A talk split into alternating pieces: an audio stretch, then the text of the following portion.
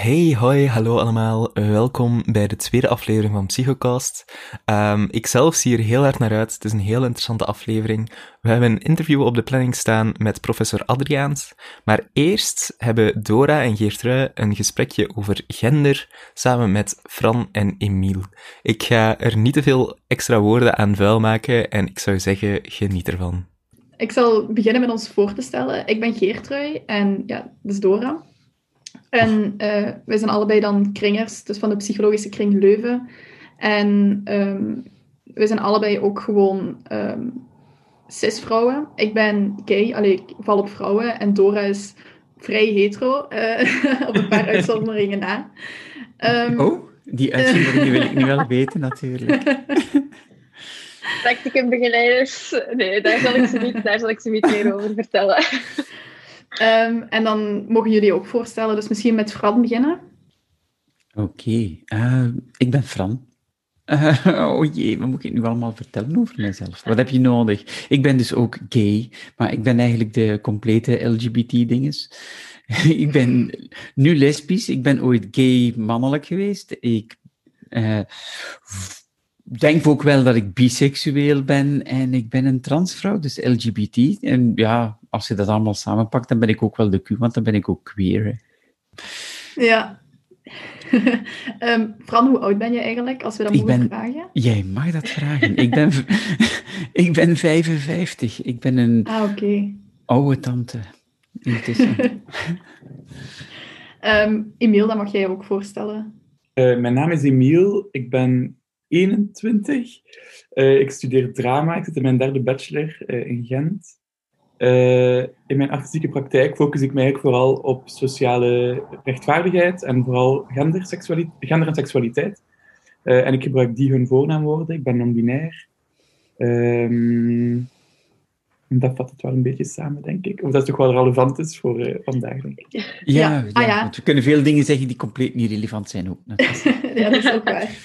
Um, misschien ook even voor de luisteraars. Um, we gaan het dus vandaag hebben over genderidentiteit en seksuele geaardheid ook. En dit is dus een taboe segment van heel onze uh, podcast. Um, ja. Da, da, da. Ja, het is een beetje spannend, vind ik. misschien beginnen Dora met een paar vragen die we hadden voorbereid. misschien Fran, het was, ik vond het best wel interessant om te weten hoe dat het... Want jij bent um, ondertussen dus al 55 jaar. Ja. En toen je nog student was, um, verscheen je nog als man. Ja. En we wou ook wel weten hoe het was in die, in die tijd. Dus dat is ook al even geleden, ga, ik vanuit. Hoe het, was, ja. uh, hoe, het, hoe het toen was. Dat is inderdaad een lange tijd geleden. Dus dat is ja, meer dan de helft van mijn leven geleden. Ah, even denken, we spreken over het fantastisch jaar 1984. Het boek was beter trouwens. Um, 1984. Ja, de, het onderwerp werd nooit besproken. Hè? Trans, het, het, werd niet alleen nooit besproken, ik, ik denk zelfs niet eens dat ik het woord kende. Ik herinner mij wel dat ik ooit uh, tijdens een examen aan de professor uh, vroeg of we daar ooit iets zouden rond doen, of we daarover zouden spreken. En die keek alsof het donderde in Keulen, van wat voor onderwerp is dat nu? Uh, nee, nee, er werd helemaal niet over gesproken. Was dat taboe? Ik denk gewoon dat het niet eens op de radar stond. En ik herinner mij dan van, van mijn middelbaar onderwijs, dat is dan nog ietsje verder, dat we op een bepaald moment in het laatste jaar van het secundair onderwijs, dan kregen we zo bij wijze van uh, uitsmijter van de humaniora, mochten wij allemaal nog een vraagje stellen aan de leerkracht godsdienst. En we moesten het op een briefje schrijven. En uh, ik had een vraag erop gezet over uh, verliefd zijn op andere jongens als jongen, want dat was een jongensschool. En het uh, maffe was, ik zag hem dat briefje open doen. En dan zei hij, ja, ik heb hier een heel interessante vraag van Fran. Dus ik werd rood tot aan mijn oortjes. Namelijk, en dan zag je hem zo nadenken, kun je als christen met iemand van een ander geloof trouwen? Ik dacht, dat staat daar helemaal niet op. dat, interesseert, dat, interesseert mij ook helemaal niet. Dus die heeft dat toen echt heel letterlijk afgeblokt. Van, daarover gaan we het niet hebben, punt. Dat was onwaarschijnlijk. Uh, maar gewoon gays in het algemeen was, was not, uh, not done, daar sprak je niet over. Ik herinner mij ook nog een moment, ik trad ook op toen. Uh, net als jij, hou ik wel van podia. En um, op een bepaald moment was er uh, 100 dagen. Ik weet niet of dat nog bestaat, 100 dagen. Ja. Die... Ja. En ja, de meeste jongens die vertrokken tijdens de speeltijd met de fiets naar de meisjesschool. En uh, ik bleef achter op de speelplaats met uh, één andere jongen. En wij hadden een aantal bakken op elkaar gezet en wij begonnen op te treden. Uh, we hebben toen een aantal nummers gezongen. En op een bepaald moment, tussen een aantal nummers door, introduceerde ik het volgende nummer. Dat ging over gay zijn. En ik vroeg toen in, aan de ja, toegestroomde jongeren, allemaal jongens rond mij, van oké, wie hier is er ook gay? Statistisch gezien één op de tien. Waar zijn jullie? Niemand stak zijn hand op. Dat was zo, oh my god. Nadien heb ik wel mensen gehad die dan naar me toe zijn gekomen om erover te praten, maar niemand durfde gewoon zijn pootje de lucht in steken. Laat staan dat je inderdaad nog zou durven zeggen van, en ik draag eigenlijk ook liever meisjeskleren thuis. en ik voel mij ook meer vrouw. Uh, alhoewel, ja, dus het, het woord trans kende ik helemaal niet. Ik, ik dacht een beetje stiekem dat dat bij het homo zijn hoorde. Ja. Ik dacht, als je homo bent, ja, dan voel je vrouwelijk. Waarschijnlijk. Dat, iedereen zal dat wel hebben. Maar ik kende geen andere homo's toen. The only gay in town. Uh, en toen ik dan uiteindelijk wel homo's leerde kennen, toen dacht ik opeens van, oh oh, I am in deep shit. Maar dit is het niet. dit is het dus niet. Oh, oh, oh.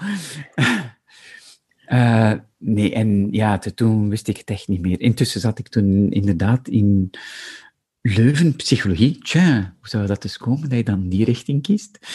Uh, alle boeken doorgesparteld, gezocht. Wel iets gevonden van Baatslier toen. Uh, maar oef, het bleef een moeilijke zaak om daar echt jezelf in te herkennen en, en ook op een toffe manier je herkend te voelen. Uh, dus ik voelde mij een onwaarschijnlijke freak. Uh, ik heb toen ook mijn eerste zelfmoordpoging gedaan in Leuven. Ja. Dus, uh, ja, en dan zijn er wel nog veel gekomen later. Het heeft nog vele jaartjes geduurd, Erik, uiteindelijk als transgender of als transvrouw. Toen heette dat nog transseksueel. Dat woord mocht toen nog gezegd worden, uit de kast kwam. En dat is intussen ook alweer goede twintig jaar geleden. Ja, wauw. En ook nu tegenwoordig zien we in de media dat wel steeds meer, uh, zeker social media, um, komen er veel transpersonen, non-binaire personen, gay personen heel veel voor. Mm -hmm. um, maar in uw jeugd gaat dat helemaal niet geweest zijn. En in nee, mijn nee, nee. jeugd was ook niet... Ik kan me niet herinneren dat er een transpersoon op tv kwam. Want Dora en ik hadden het er net over. De eerste persoon die ik mij kan herinneren was van Orange is the New Black. Um, oh, ja. De kapster. Ik was toen wel al op televisie geweest, hè? de, niet, niet op mijn televisie, denk ik. op de VRT gewoon? Ja, maar niet in, bij kinderprogramma's of zo. Dat is, dat is nog totaal niet. Nee, ik, ik ben ik daar. op kinderprogramma's geweest? Nee, dat denk ik niet. Ik heb het in 1999, ik heb televisieprogramma's gemaakt ook. En in 1999 had ik een heel televisieprogramma over um, ja, gender, transgender, transseksualiteit, tran travestie. We hebben toen zelfs Sam Horis uh, als uh, om, ja, omgebouwd, hè, toen nog, als vrouw. En gekeken hoe, hoe dat, dat ging. ik was toen ook nog man. Dus uh, dat was voor mij wel een heel boeiende aflevering. Trouwens, in elk televisieprogramma dat ik gemaakt heb, zat het er op een of andere manier wel in. De, ik heb er ja, altijd wel in gemoffeld. in, in 1999 zijn, zijn wij, allee, ben ik geboren en was Dora net waar? één jaar. En Emiel denk ik ook dat van die leeftijd is. Dus Ja, ja, ja. ja. Oké, want ik ik ben zelf op televisie geweest eh, begin van de tens, eh 2010, 11, 12, 13 ben ik wel in eh, talkshows geweest bij Marcel van Tilt. eh, ben ik ook in nieuws geweest, ook in de afspraak, dat soort dingen. Maar dat waren meer de ernstige onderwerpjes. Amai. Wel, wel een interessant leven. Nee, ik vind dat een heel inter- interessant leven, zo op tv, media. Heel leuk allemaal. Ja. Ja, want dat is ook eigenlijk, Emiel, wat jij een beetje doet. eh, maar dan meer social media. Dus meer, ja, de jeugd van tegenwoordig zit natuurlijk veel meer op social media dan naar VRT te kijken, denk ik.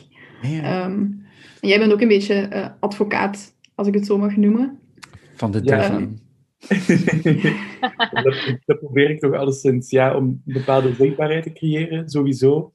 En ook gewoon, ja, wat het meeste opvalt als ik met mensen praat die van een andere generatie zijn, dat het, de toegang tot informatie vooral radicaal anders was. Ja, En het toegang tot bepaalde woorden en begrippen en concepten, waar dat ik nu eigenlijk probeer om dat de dingen die misschien toen al bestonden of toen al geschreven werden, maar hier totaal ontoegankelijk, te, ontoegankelijk waren.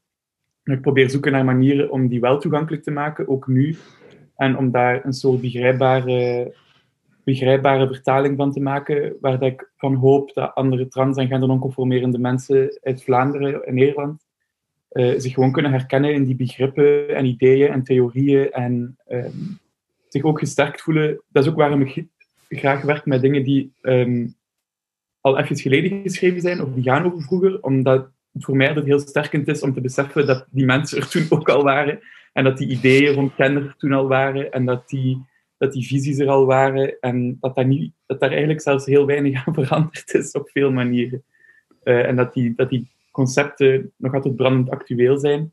Ehm, dus dat is een beetje mijn persoonlijke missie aan het worden nu. Het is wel een hele mooie en, en belangrijke missie ook.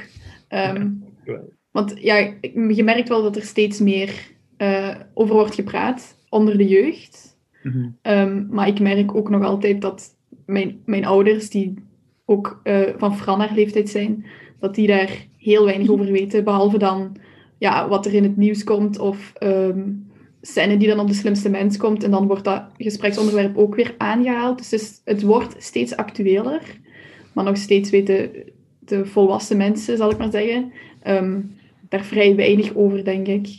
Ja, dat is zo. Het is ook mijn struikelblok altijd. Maar ik heb met mezelf zo wat een afspraak gemaakt dat ik enkel nog maar werk of eh, dingen uitleg aan mensen die leergierig en bereidwillig aan de tafel komen zitten. En ik eh, zie dat daar heel weinig ehm, mensen van een andere generatie tussen zitten. En ik neem daar ook vrede mee dan, dat ik die niet meekrijg. En dan, omdat ik gewoon ook hun taal niet spreek, denk ik. En dan nemen dat niet aan als ik dat zeg. Dus laat ik daar een Pak beetje ik die wel mee? Voilà. laten, we, laten we doen waar we allemaal goed in zijn en dan krijgen we allemaal mee waarschijnlijk. Ja. Ehm, heb je ook bijvoorbeeld met jouw ouders ook dat probleem ondervonden? Dat, dat zij die eh, moeilijk hebben met, die, eh, met jouw taal, met onze taal? Ja, super hard. En dat is ook een ding dat ik echt totaal heb losgelaten. Ehm, die gebruiken mijn juiste voornaamwoorden bijvoorbeeld niet. En ik heb, dat ook gewoon, ik heb dat allemaal gewoon losgelaten, omdat ik denk van, ik kan hier eh superveel energie in steken voor één druppel vooruitgang. Maar dat is het niet waard als ik weet dat ik ergens anders met dezelfde hoeveelheid energie heel veel kan verwezenlijken. Ehm, Mhm. En dan is dit gewoon niet de fight die ik nu wil hebben. Ja, choose your battles. Ja, precies. En het is gewoon niet deze. Ja. Heb, je, heb jij daar ook eh, problemen mee ondervonden, Fran, met, met je ouders? Want die zijn al van nog een generatie ouder. Ja, dat is. ehm, ja, mijn pa was nog iemand. Die is intussen overleden, was, maar dat was nog iemand die aan tafel zei: Als een van mijn kinderen homo is, ik sla hem de kop in. Dus dat. eh, Zo'n beetje die periode. Dus dan, dan is zo'n moment dat je denkt van. Oh, pa, ja, nu dat je het daarover hebt. is niet echt. Ehm, ik ben dus ook maar uit de kast gekomen toen mijn vader gestorven is. Eh, en mijn moeder, die, dat was een beetje confronterend op een bepaalde manier. Die, eh, toen ik uit de kast kwam, zei ik van, ik ben trans. En dan legde ik dat uit. En toen zeiden oh, maar ik heb altijd gedacht dat je geen homo waart. Ik was intussen getrouwd en had twee kinderen. En toen dacht ik, wat? Je hebt dat altijd gedacht? Ah ja, want ik had zelfs met een oom afgesproken dat als jij uit de kast zou komen, enfin, dat woord gebruikten ze niet, maar als dat zou blijken, uh, dan zou uh, nonkel Edemond, hè, dat is dan de, de, man in kwestie, die zou mij opgevangen hebben om mij te beschermen tegen mijn vader. Dus die had zelfs al een plan in haar hoofd. Toen dacht ik van, kom aan, je zegt dat nu. Wat, kon je dit gewoon niet twintig jaar eerder gezegd hebben? Zou mijn leven anders geweest zijn? Weet je? Oh, wauw. En je was dan ondertussen getrouwd met een vrouw? Ja, met een vrouw. Dat was na de zoveelste zelfmoordpoging. Toen had ik uh, aan mezelf gezegd van, weet je wat, we gaan gewoon doen uh, alsof dat ik heel normaal ben. Op een bepaalde dag val ik wel vanzelf dood en dan is het ook voorbij. Dus uh, ja. toen had ik gewoon gedacht van, laten we braaf zijn en netjes ons inschakelen in de maatschappij. Ben je nog steeds met die, met die vrouw getrouwd? Mag je dat vragen? Nee. Nee. Oké. Uh, na de operatie zijn we met elkaar gegaan. Ja. Oké. Zij zelf zag zich helemaal niet als lesbisch. En uh, dat was één punt. Dat was, ja, dat maakte het al wat awkward natuurlijk. Ja. En het tweede punt was dat de mensen waar we naartoe gingen, die spraken niet eens meer tegen mij als ik aan tafel zat. Die spraken tegen haar. En uh, allemaal goed bedoeld, zeiden ze allemaal zo dingen van wauw, jij bent te bewonderen dat jij dat hebt aangekund tegen haar dan. Hè. En dan uh, van wauw, je verdient een standbeeld en zo. En dat gaf mij het gevoel van, oh my god, ik moet wel echt een monster zijn als je een standbeeld verdient om met mij samen te leven. Yes! Dus ja, dat, mijn zelfbeeld daalde gewoon per oh. seconde. Uh, aan ja. ja 9,8 uh, meter kwadraat per seconde. Zo, hè. De, ja, en dat is eigenlijk wat kwam steeds dichterbij. Dan kan je eindelijk eigenlijk jezelf zijn en dan heb je, heb je die omgeving, dat is wel... Uh, ja, ik heb toen een sprookje geschreven dat dat inderdaad, dat zei van, dat is zo'n berg die, en een berg die vindt van, ja, maar ik ben eigenlijk geen berg, ik ben gewoon een reus. En die krijgt dan op een bepaald moment, krijgt hij dan via een toverstafje, pang, verandert hij dan in een reus. Maar dan uh, blijkt dat daar dorpen staan op die berg, op die reus dan, en die zeggen van, niet bewegen, hè, want wij wonen hier ook. En dan zit die, die reus zit dan, dan nog altijd in krijgt diezelfde houding als die berg, alleen beseft hij nu van, ik zou kunnen recht staan, maar ja, mag niet.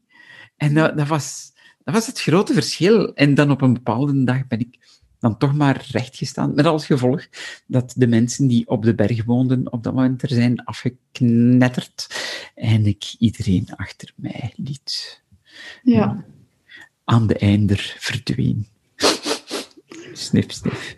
En jouw, jouw, kinderen, jouw kinderen, heb je, die ook, uh, heb je daar nog contact mee? Uh, ja, jawel. Weer wel.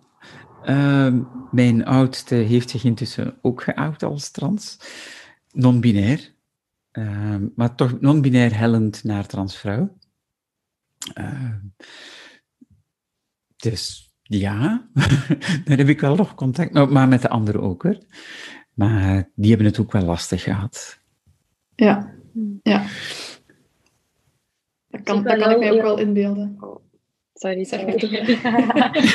Op zich wel heel goed dat um, uw oudste dan wel u nog had als, als voorbeeld of als iemand waar, het, ja, waar het wij terecht kunnen. Ik, mij lijkt dat, oh, dat wel heel handig. Om... Nee, zo werkt het niet. Ah.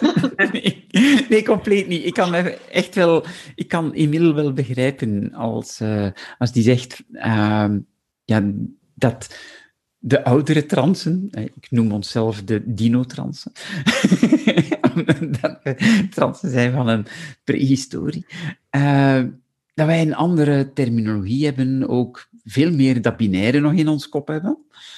En dat, dat botste wel met onze Ella. Dat, zij, dat is haar voornaamwoord dat ze verkiest, zij had het, ja, heeft het daar moeilijk mee met de manier waarop ik dat beleef ondanks het feit dat ik ook niet de meest tuttige ben.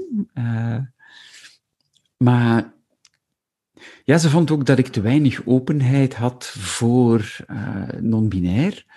En uh, ze konden niet tegen dat ik mezelf liever als transseksueel definieer dan als transgender. Ik zie transgender nog altijd als de koepelterm. Um, en transseksueel als een subdeeltje ervan. Een klein subdeeltje weliswaar, maar toch een bestaand subdeeltje, in mijn perspectief dan. Maar zij weigert transseksueel zelfs als een term te aanvaarden. Ik accepteer dat ook natuurlijk. Uh, termen zijn veranderd, houdingen zijn veranderd. En ik kan ook niet meer altijd mee. Soms denk ik ook van, oeh, waarom word je daar nu boos van? Allee, dat vind ik nu echt niet iets kwaad over Ik word ook veel minder kwaad. Ik heb niet dat... Uh, dat wereldboze heb ik zo niet. Of de, die neiging om te confronteren heb ik ook niet. Dat, dat Misschien ook omdat, omdat het in jouw tijd heel anders nog was dat er nog geen plaats was om te confronteren en om boos te zijn. Ja, gewoon zijn was al confronterend. Ja, ja. gewoon netjes zo braaf mogelijk op televisie verschijnen was al genoeg om, ik weet niet welke dreigmails te krijgen. Dat, dat was al verschrikkelijk gewoon weg. Uh, je, je, werd al beledigd als uh, apin en zo verder. Toen ik destijds opkwam voor Groen, samen met Petra, Ehm, ja, dan, dan, werden wij gewoonweg verguisd. Hè. Dat was onwaarschijnlijk wat, wat dat wij allemaal van bagger naar ons hoofd hebben gekregen. Terwijl wij alle twee heel brave, binaire transen zijn. Ik heb dat trouwens ook in mijn lezingen, als ik dan lezingen gaf, of ook op televisie kwam, in de afspraak, heb ik heel dikwijls gezegd, maar transseksuelen zijn, wij zijn gewoonweg de brave doetjes hè, van, van de transgenderwereld. De, de non-binaire, dat zijn degenen die, die grote dingen aan het veranderen zijn. Wij veranderen niks, wij zijn gewoonweg, wij zijn ja, echt de, de, de brave sukkeltjes. Ja. Want eh, eigenlijk het, het enige wat, wat jij, wat, wat, wat, jij verandert is het, het, het, uiterlijk dat de wereld op jou heeft, terwijl trans uh, non-binaire mensen die veranderen gewoon het, het hele het concept waarmee wij ah. geboren zijn rond, rond binair, binair denken en, en zo. Maar ik denk ook dat er heel veel mensen het nog steeds veel te moeilijk hebben met het niet-binair denken en inclusief mezelf, dat het moeilijk is om um, bijvoorbeeld de juiste vervoegingen gebruiken, te gebruiken bij de uh, non-binaire voornaamwoorden. Ja, maar het is ook moeilijk. Hè? Ik denk ook dat, um, met alle respect, de nieuwe terminologie die nu ontstaat en die nu een beetje naar voren wordt geduwd, vind ik even verwarrend als de oude, omdat het nog altijd geen onderscheid maakt in woorden tussen uh, identiteit, lichaam, uh, seksueel beleving, uh, rollen. Er zijn, je kunt op elk van die, van die verschillende vlakken kun je bewegen. Hè? Je kunt zeggen van, ik ben fysiek ben ik echt biologisch mannelijk, zeg maar wat. En ik heb ook alle instrumentaria er nog ervoor. En, en dat werkt allemaal goed, bijvoorbeeld. Maar uh, qua uh, expressie ga ik bijvoorbeeld vrouwelijker gaan gedragen. En qua identiteit kan ik ook vrouw met 100% vrouw voelen. En qua seksuele beleving zou ik dan bijvoorbeeld kunnen zeggen, ik val ook op um, uh, mannelijke lichamen, maar die persoon uh, heeft ook een uh, androgyne expressie. Bijvoorbeeld. Daar hebben we allemaal geen termen voor. Hè? Je kunt dat niet vatten met te zeggen van ja, ik ben gewoon non-binair. Da daarmee vat je het niet. Het woordje lesbisch bijvoorbeeld. Jij zegt, ik beschrijf mezelf als lesbisch. Dus waarschijnlijk val je dan op mensen met een fysieke vrouwelijke verschijning. En niet alleen expressie, maar ook het lichaam. Ja. En, dan gaat, en die persoon kan zich eigenlijk qua genderidentiteit mannelijk voelen, maar toch is het lichaam op dat moment belangrijk. Als we nu gaan zeggen van nee, vanaf nu man-vrouw wordt bepaald door genderidentiteit, dan zijn we dat weer kwijt. Dan hebben we gewoon het ene weggegooid voor iets anders. We zijn weer een nuance kwijt. Ik wil al die nuances. Ik zou het zo tof vinden om woorden te hebben voor alles. dat we dat allemaal kunnen gebruiken. Of dat je zo, zo'n schuifraampje hebt, dat je kunt zeggen van, ja, dus uh, fysiek zit ik daar. In mijn geval dus, um, ja, toch eerder aan de vrouwelijke kant, maar dan met een, een speciaal gekleurde bolleke, want het is, het is operationeel veranderd.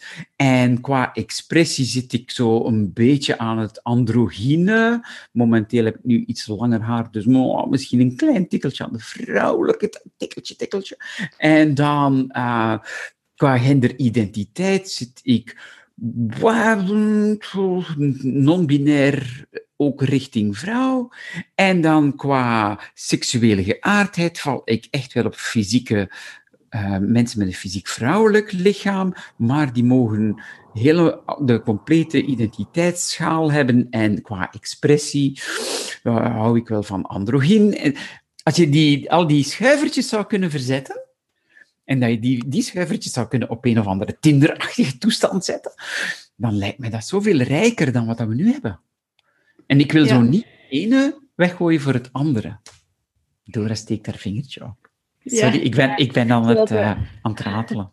Nee, dat is, dat is zeker oké. Okay, maar het was gewoon zo dat ik niet weer door elkaar zou praten. Maar ik denk, ik snap dat zeker. Want ik merk ook van dat sommige mensen juist iets meer die labels of die, die echt concrete benamingen nodig hebben. Maar langs de andere kant, want ik ben, zoals je al zei, hetero. Niet, ik, heb dan, ik ben juist iemand die minder neigt naar labels gebruiken. Meer dus heeft van, dat is heel persoonlijk. De een heeft daar meer nood aan om voor zichzelf te kunnen klikken van oké, dit ben ik en dit klopt voor mij. Om zichzelf te kunnen beschrijven. Of voor anderen om hen te kunnen plaatsen van ah oké, op dit soort mensen valt deze persoon. Of um, zo beleeft deze persoon hun wereld. Maar ik denk dat dat vooral heel persoonlijk is, waar dat jij nood aan hebt uh, om te categoriseren of niet. Uh, ja en nee. Ik ben het ja en nee met je eens. Het is uiteraard wel een feit dat mensen afzonderlijk daar al een eigen gevoel bij hebben van ik hou ervan, ik hou daar niet van. Maar het is ook sociaal belangrijk, denk ik, om labels te gebruiken. Want je kunt niet voor rechten van een groep uitkomen als we die groep niet kunnen benoemen. Uh, labels heb je ook nodig om, om iets zichtbaar te maken. Iets wat niet genoemd wordt, is er niet. Dus pas als je iets kunt benoemen, pas als je non-binair kunt benoemen, kun je er ook voor die rechten uitkomen. Uh, ik herinner mij dat heel goed toen ik uh, in het begin van de tens, uh, dus 10, 11, 12, 2011, 12, toen was ik woordvoerster van, de, van Savaria. Um, en ja, dan, dan vond ik het heel belangrijk om dingen te noemen. En vond het ook heel belangrijk om geïntroduceerd te worden als transvrouw. Ook al ging het over iets anders. Waarom? Omdat, stel, ja, ik, uh, ik hoop dat dan toch niet direct door de mand viel, maar uh, ik, ik vond het wel belangrijk dat mensen zagen van, ah ja, ja, ja, dit is een trans. Ah, ja. En die, die kan dus ook praten over politiek. Want ik heb zo ook een kinderboek geschreven in 2011. Ik heb meerdere kinderboeken geschreven, maar mijn eerste dat ik schreef, dat kreeg persaandacht met onder andere titeltjes als Transseksueel schrijft boek.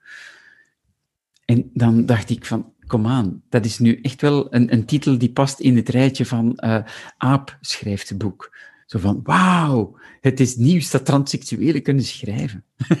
Ja, ja. we, uh, ja, we hebben tien vingers, uh, misschien vroeger elf en nu nog tien. we kunnen typen. toen, toen Dorad ook over die labels zat, keek jij een beetje bedenkelijk, Emiel? Ja, um, super bedenkelijk. Uh, sorry, ik denk dat er echt een ideologische kloof is tussen ons. Uh, omdat ik, ik heb gevoel dat er een soort verwarring bestaat of zo over dan de not willingness om woorden als non-binair te gebruiken, omdat ze niet alles zouden vatten. Maar dat is ook helemaal de bedoeling niet. Uh, woorden zoals non-binair gaan over genderidentiteit en um, geven weer wat die genderidentiteit is. En dan kunnen we het hebben over romantische aantrekking en over seksuele aantrekking, dan kunnen we het hebben over genderexpressie. Maar we kunnen niet verwachten dat er voor elke mogelijke uh, formatie op het telraam, zoals jij het benoemt, een apart woord bestaat. Ik denk dat dat pas verwarrend is. Voor mij zijn woorden zoals non-binair komen heel dicht bij mijn realiteit, gaan die nooit helemaal vatten en dat hoeft ook niet, maar komen heel dicht bij mijn realiteit en geven op een korte manier dat deel van mijn genderidentiteit weer. En mijn seksuele aantrekking valt voor mij niet onder mijn genderidentiteit. Die Nee, nee, dat snap ik. aantrekking. En dan, tuurlijk, hebben, ident- hebben labels altijd beperkingen. Daar, daar is heel veel over geschreven en dat is heel terecht ook. Maar dat een label vat niet alles wat we meemaken. En dat Nee. hoeft ook niet. Een label is een, ook gewoon een korte manier om bij benadering weer te geven op welke manier dat we dat deel van onze identiteit beleven. En dat doet het wel voor mij. Dus ik snap daar niet zo goed van waar dat jouw ehm, verzet is waarschijnlijk een groot woord. Ehm argwanen is misschien dichterbij. Eh argwanen tegenover die nieuwe labels dan precies komt, of tegenover die nieuwe begrippen en nieuwe Heb je vocabulaire. tegen mij? Ja, Oh, maar ik heb geen argwaan tegen nieuw begrippen. Dan heb ik mij verkeerd uitgedrukt. Eh, nee, nee, ik heb daar echt geen enkel probleem mee. Ik, ik hou van het woord non-binair. Eh, echt waar, ik vind dat fantastisch tof. Ehm, nee, nee, ik, ik heb een, een beetje meer moeite met... En, en dan komt dat vanuit... ja, weer vanuit politieke dingen bijvoorbeeld, hè, waarin dat op, het op de identiteitskaart staat nu seksen. Hè? En dan sommige mensen vinden dat je dat moet kunnen aanpassen met de genderidentiteit, terwijl dat het nog het woordje seksen blijft staan. En dan vind ik het verwarrend. Dus als je het woordje seksen opeens invult met genderidentiteit, dan ik denk denk ik, dat sowieso het voorstel van heel veel non-binaire en genderconformerende mensen is om Eh, smijt het af te eraf. ja, ja, tuurlijk, en daar ben ik het ook mee eens, hè? Daar ben ik het mee eens. Dus ik denk Maar- niet dat het pleidooi dat wij houden is om er een x van te maken of om er genderidentiteit op in te vullen, maar net om het te schrappen. Dus ook dan snap ik niet zo goed van waar de kritiek komt of zo. Allee, de kritiek of de feedback, als we het positiever willen benoemen. Ehm, nee, het, het, het is iets ehm, moeilijker dan jij nu voorstelt, want zelfs al wordt het geschrapt op de identiteitskaart, het komt in, de, in het burgerwetboek, zal het eh, non-binair toegevoegd worden. In, in deze legislatuur komt het erbij. Maar de grote vraag nu is, waar staat het? En op welke manier gaat het dan over gender, genderidentiteit, eh, over lichaam. Waarover gaat het? Wat zijn we aan het benoemen? En het gaat mij louter over die verwarring die dingen door elkaar gooit. En dat ik merk gewoon dat ehm, als mensen moeilijk doen over, over ons, hè, dan gaat het meestal over het feit dat ze identiteit en expressie en lichaam verwarren met elkaar. Terwijl dat we op alle drie die verschillende vlakken op een andere manier kunnen bewegen. En ik heb, zou er geen enkel probleem mee hebben als het burgerwetboek vanaf nu zou zeggen van mensen, we, we hebben het niet meer over de seksen van de mensen, maar over de genderidentiteit. Prima. Heb ik echt geen enkel probleem mee. Ik zou er ook geen probleem mee, hebben als ze zouden zeggen genderexpressie is vanaf nu de, eh, het definiërende element. Ik zou het ongelooflijk grappig vinden, want hoe ga je dat in godsnaam gaan definiëren? Maar wat, dat interesseert mij dan ook niet. Ik vind genderidentiteit vind ik dan makkelijker. En het heeft ook veel meer kracht en ehm, emancipatie aan iedereen afzonderlijk, omdat je kunt gaan zeggen wie dat je bent en dat is het dan, punt, klaar. Dus dat, dat, ik, ik ben daar wel in mee. Hè. Ik vind gewoon, je moet opletten dat je de dingen niet gaat verwarren. En dan merk ik nu net heel erg wel dat dat gebeurt, ook door activistische groepen. Ik zeg niet dat jij dat doet, hè, Imin.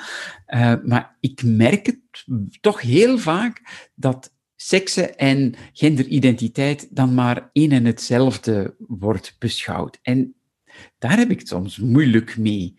En ik weet dat het ook bedoeld is, of heel vaak komt vanuit het idee, eh het is makkelijker.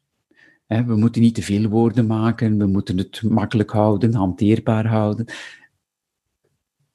Mm, maar dan denk ik, ja, we hebben nu eh, naast de fiets en de bromfiets hebben we nu ook e-bikes. En eh, in plaats van, omdat iedereen denkt van, nou, dat is toch geen echte fiets, gaan we die vanaf nu ook een motorfiets noemen. Dat is een beetje wat er gebeurt. En dan denk ik, ja, is daarmee het probleem opgelost? Nee, je hebt het verschoven. En het komt terug en het zal u in uw kont bijten. Ja, dan hebben wij denk ik gewoon heel andere ervaringen of heel andere... Oh, ik heb al 55 jaar ervaring. hè. Zeker en vast, maar als je richting die dingen vandaag uitgaan, dan is dat alleszins niet, niet mijn ervaring waar de beweging naartoe gaat. Um, dus wat, wat bedoel je? Niet, maar, um, wat bedoel je met waar de beweging naartoe gaat? Als je spreekt over het verwarren van begrippen en één nat maken van dingen, ik heb net het gevoel dat de beweging helemaal de andere kant op gaat, waar begrippen voor het eerst, in, naar mijn aanvoelen, of niet voor het eerst, maar wel helderder afgeleid worden en het op een heel duidelijke manier weergegeven worden. En maar, ook voor de, maar ook voor de hoe-gemeente? Het kan dus zijn dat in de underground of in, in, in de beschermde bubbel, uh, dat daar al heel goede woorden gecreëerd worden en gebruikt worden, maar die bereiken zelfs mij niet dan. En dan is dat toch raar? Ja, ik weet niet of dat super raar is. Ik denk dat er ook een plaats is waar woorden gecreëerd moeten worden, alvorens die gecommuniceerd kunnen worden en verspreid worden. Ik weet niet in welke fase dat we nu zitten. Ik zeg, ik ben ook nog maar nog 21, dit is nog niet mijn levenswerk geweest. um, maar los daarvan, ja, ik, ik merk dat heel veel mensen heel veel woorden niet kennen, dat klopt. Ik weet niet waar de oorzaak daarvan ligt. Ik wil alles dat we niet, gewoon niet communiceren. Ik wil alles dus niet zeggen dat komt vanuit de beweging die net die woorden mee aan het ontwikkelen is, omdat ik het gevoel heb dat dat niet die verantwoordelijkheid dat die daar ligt. Dat geloof ik echt niet. Um, ik heb wel een boekje geschreven destijds. Alles wat je ooit wilde weten over transgenders. En en, en, ook al heel veel boekjes van in die trant uitgebracht. Oh, ja, dat was ik dan. We hebben onlangs terug een versie daarvan uitgebracht, denk ik. Of misschien... Voilà. En... Um, dus die boekjes worden geschreven en worden gemaakt en daar worden dingen heel helder in uitgelegd. En toch bereikt het de goede gemeente niet. Um, daar kunnen we ons heel veel vragen bij stellen, maar ik weet niet zo goed waar de verantwoordelijkheid of waar dat eruit op de communicatie dan precies ligt. Maar ik vind het heel moeilijk om die te leggen bij jonge activistische groepen. Oh, maar dat doe ik niet hoor, vergeef me. Okay, dat, dat zo... een beetje een communicatie zo, maar dat kan natuurlijk ook aan mij. Sorry, mijn excuses als dat zo overkwam. Nee, nee, dat was niet de bedoeling. Dat was niet hetgene wat ik wou zeggen gewoon zeggen nog, Dora. Ja. ik wil zo niet door over iemand heen praten, maar ik denk dat daar de rol van media dan weer in terugkomt. Ik denk dat dat een heel krachtige, zo, zeker het, um, ja, het, zo, om de maatschappij te veranderen, heeft de media een heel, de maatschappij, dat, dat klinkt nu zo heel groot, maar de media heeft een heel krachtige stem en de media bereikt ook iedereen, tv, internet.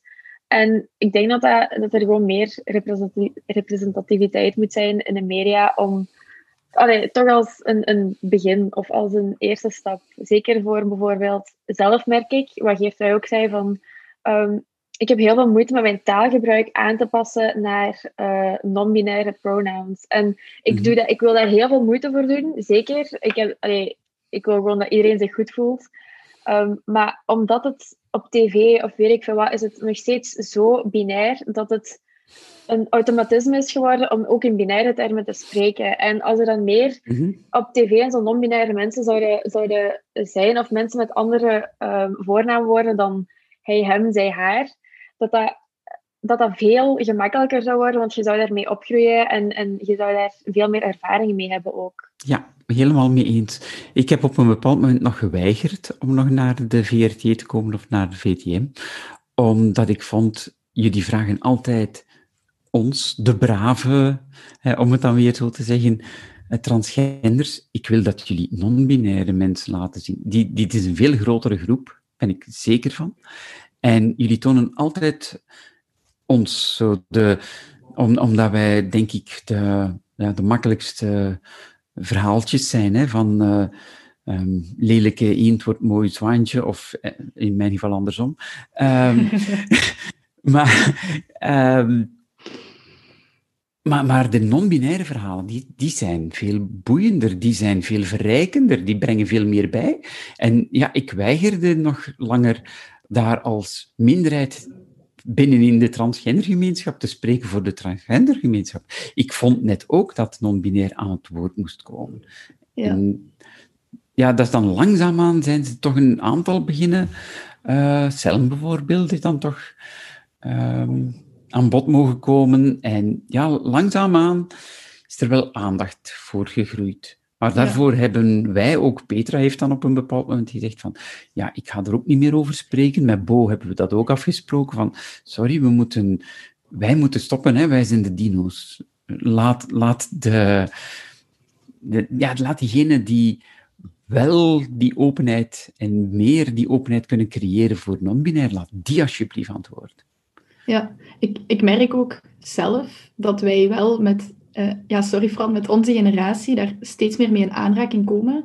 Zoals bijvoorbeeld toen we deze podcast aan het voorbereiden waren, kwamen we meteen op uh, Emile als non-binair persoon. Um, mm Oei, ik weet niet of je uh, die persoon kent.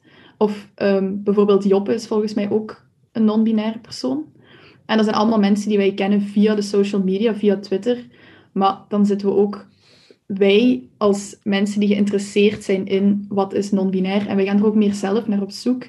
En ik denk dat nu het moment een beetje begint aan te komen dat wij met de mensen die erin geïnteresseerd zijn ook moeten beginnen met onze, onze kinderen, over een paar jaar hopelijk, um, ook te gaan opvoeden met het non-binair zijn en dat dat bestaat en dat dat ook helemaal oké is om dat te zijn en dat er plaats voor is in deze maatschappij. En ja. dat we daarmee ook wij nu de verantwoordelijkheid gaan krijgen om daar de kindermedia ook op af te stemmen. Dat er kinderprogramma's zijn en kinderboekjes zijn met Ja, schrijf ze. Zijn. Schrijf ze de kinderboeken. Doen. Ja. doen. Nee, echt waar. Ik, ik ben ook op die manier voor het eerst dus in de media gekomen door kinderboekjes te schrijven over trans ik heb het nooit, het staat er nergens letterlijk in dat het over trans gaat. Het gaat over twijfel en vragen. En dus eigenlijk kun je er alle kanten mee op. Het kan ook non-binair gelezen worden. Uh, was ook mijn bedoeling. In mijn laatste boek zit ook een figuur die ik ook echt non-binair laat zijn. En dat, dat vond ik ook heel belangrijk. Um, maar ja, dan moeten we er gewoon meer van hebben, van dat soort boekjes. We moeten ze gewoon schrijven. Nog steeds, hè, nu kwam er onlangs weer een kinderboek uit dat ongelooflijk geprezen werd.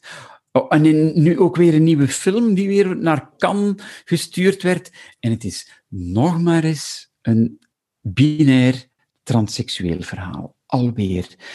En daar word ik zo moe van. Echt wel. Ik, ik vind dat het veel belangrijker is dat we de jeugd non-binair opvoeden dan dat we ze opvoeden met transgenderisme. Eh, om het zo te zeggen. Omdat transgenderisme wordt nog steeds heel erg vereenzelvigd met ja, de verhaaltjes man wordt vrouw, vrouw wordt man. Punt. Klaar.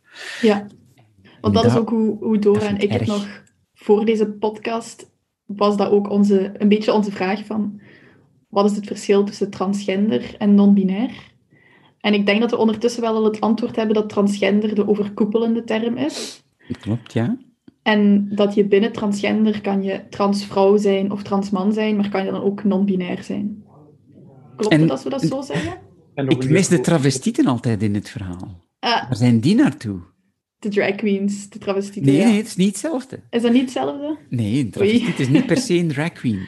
Een drag queen hoeft geen travestiet te zijn. Een travestiet heeft wel een zekere vorm van bevrediging door die expressie. De expressie is daar belangrijker dan de identiteit. Maar hoort ook onder de grote vleugel of de grote koepel van transgender. Maar en, en, een van de redenen waarom ik, en dan zitten we bij dat woordje, Emil, waarom ik het moeilijk gekregen heb met het woord transgender, is net omwille van het feit dat elke keer als het in de media de voorbije tien jaar spraken over transgender, toonden ze ons, hè, de, de bommas, um, en dan tonen ze altijd een transseksueel.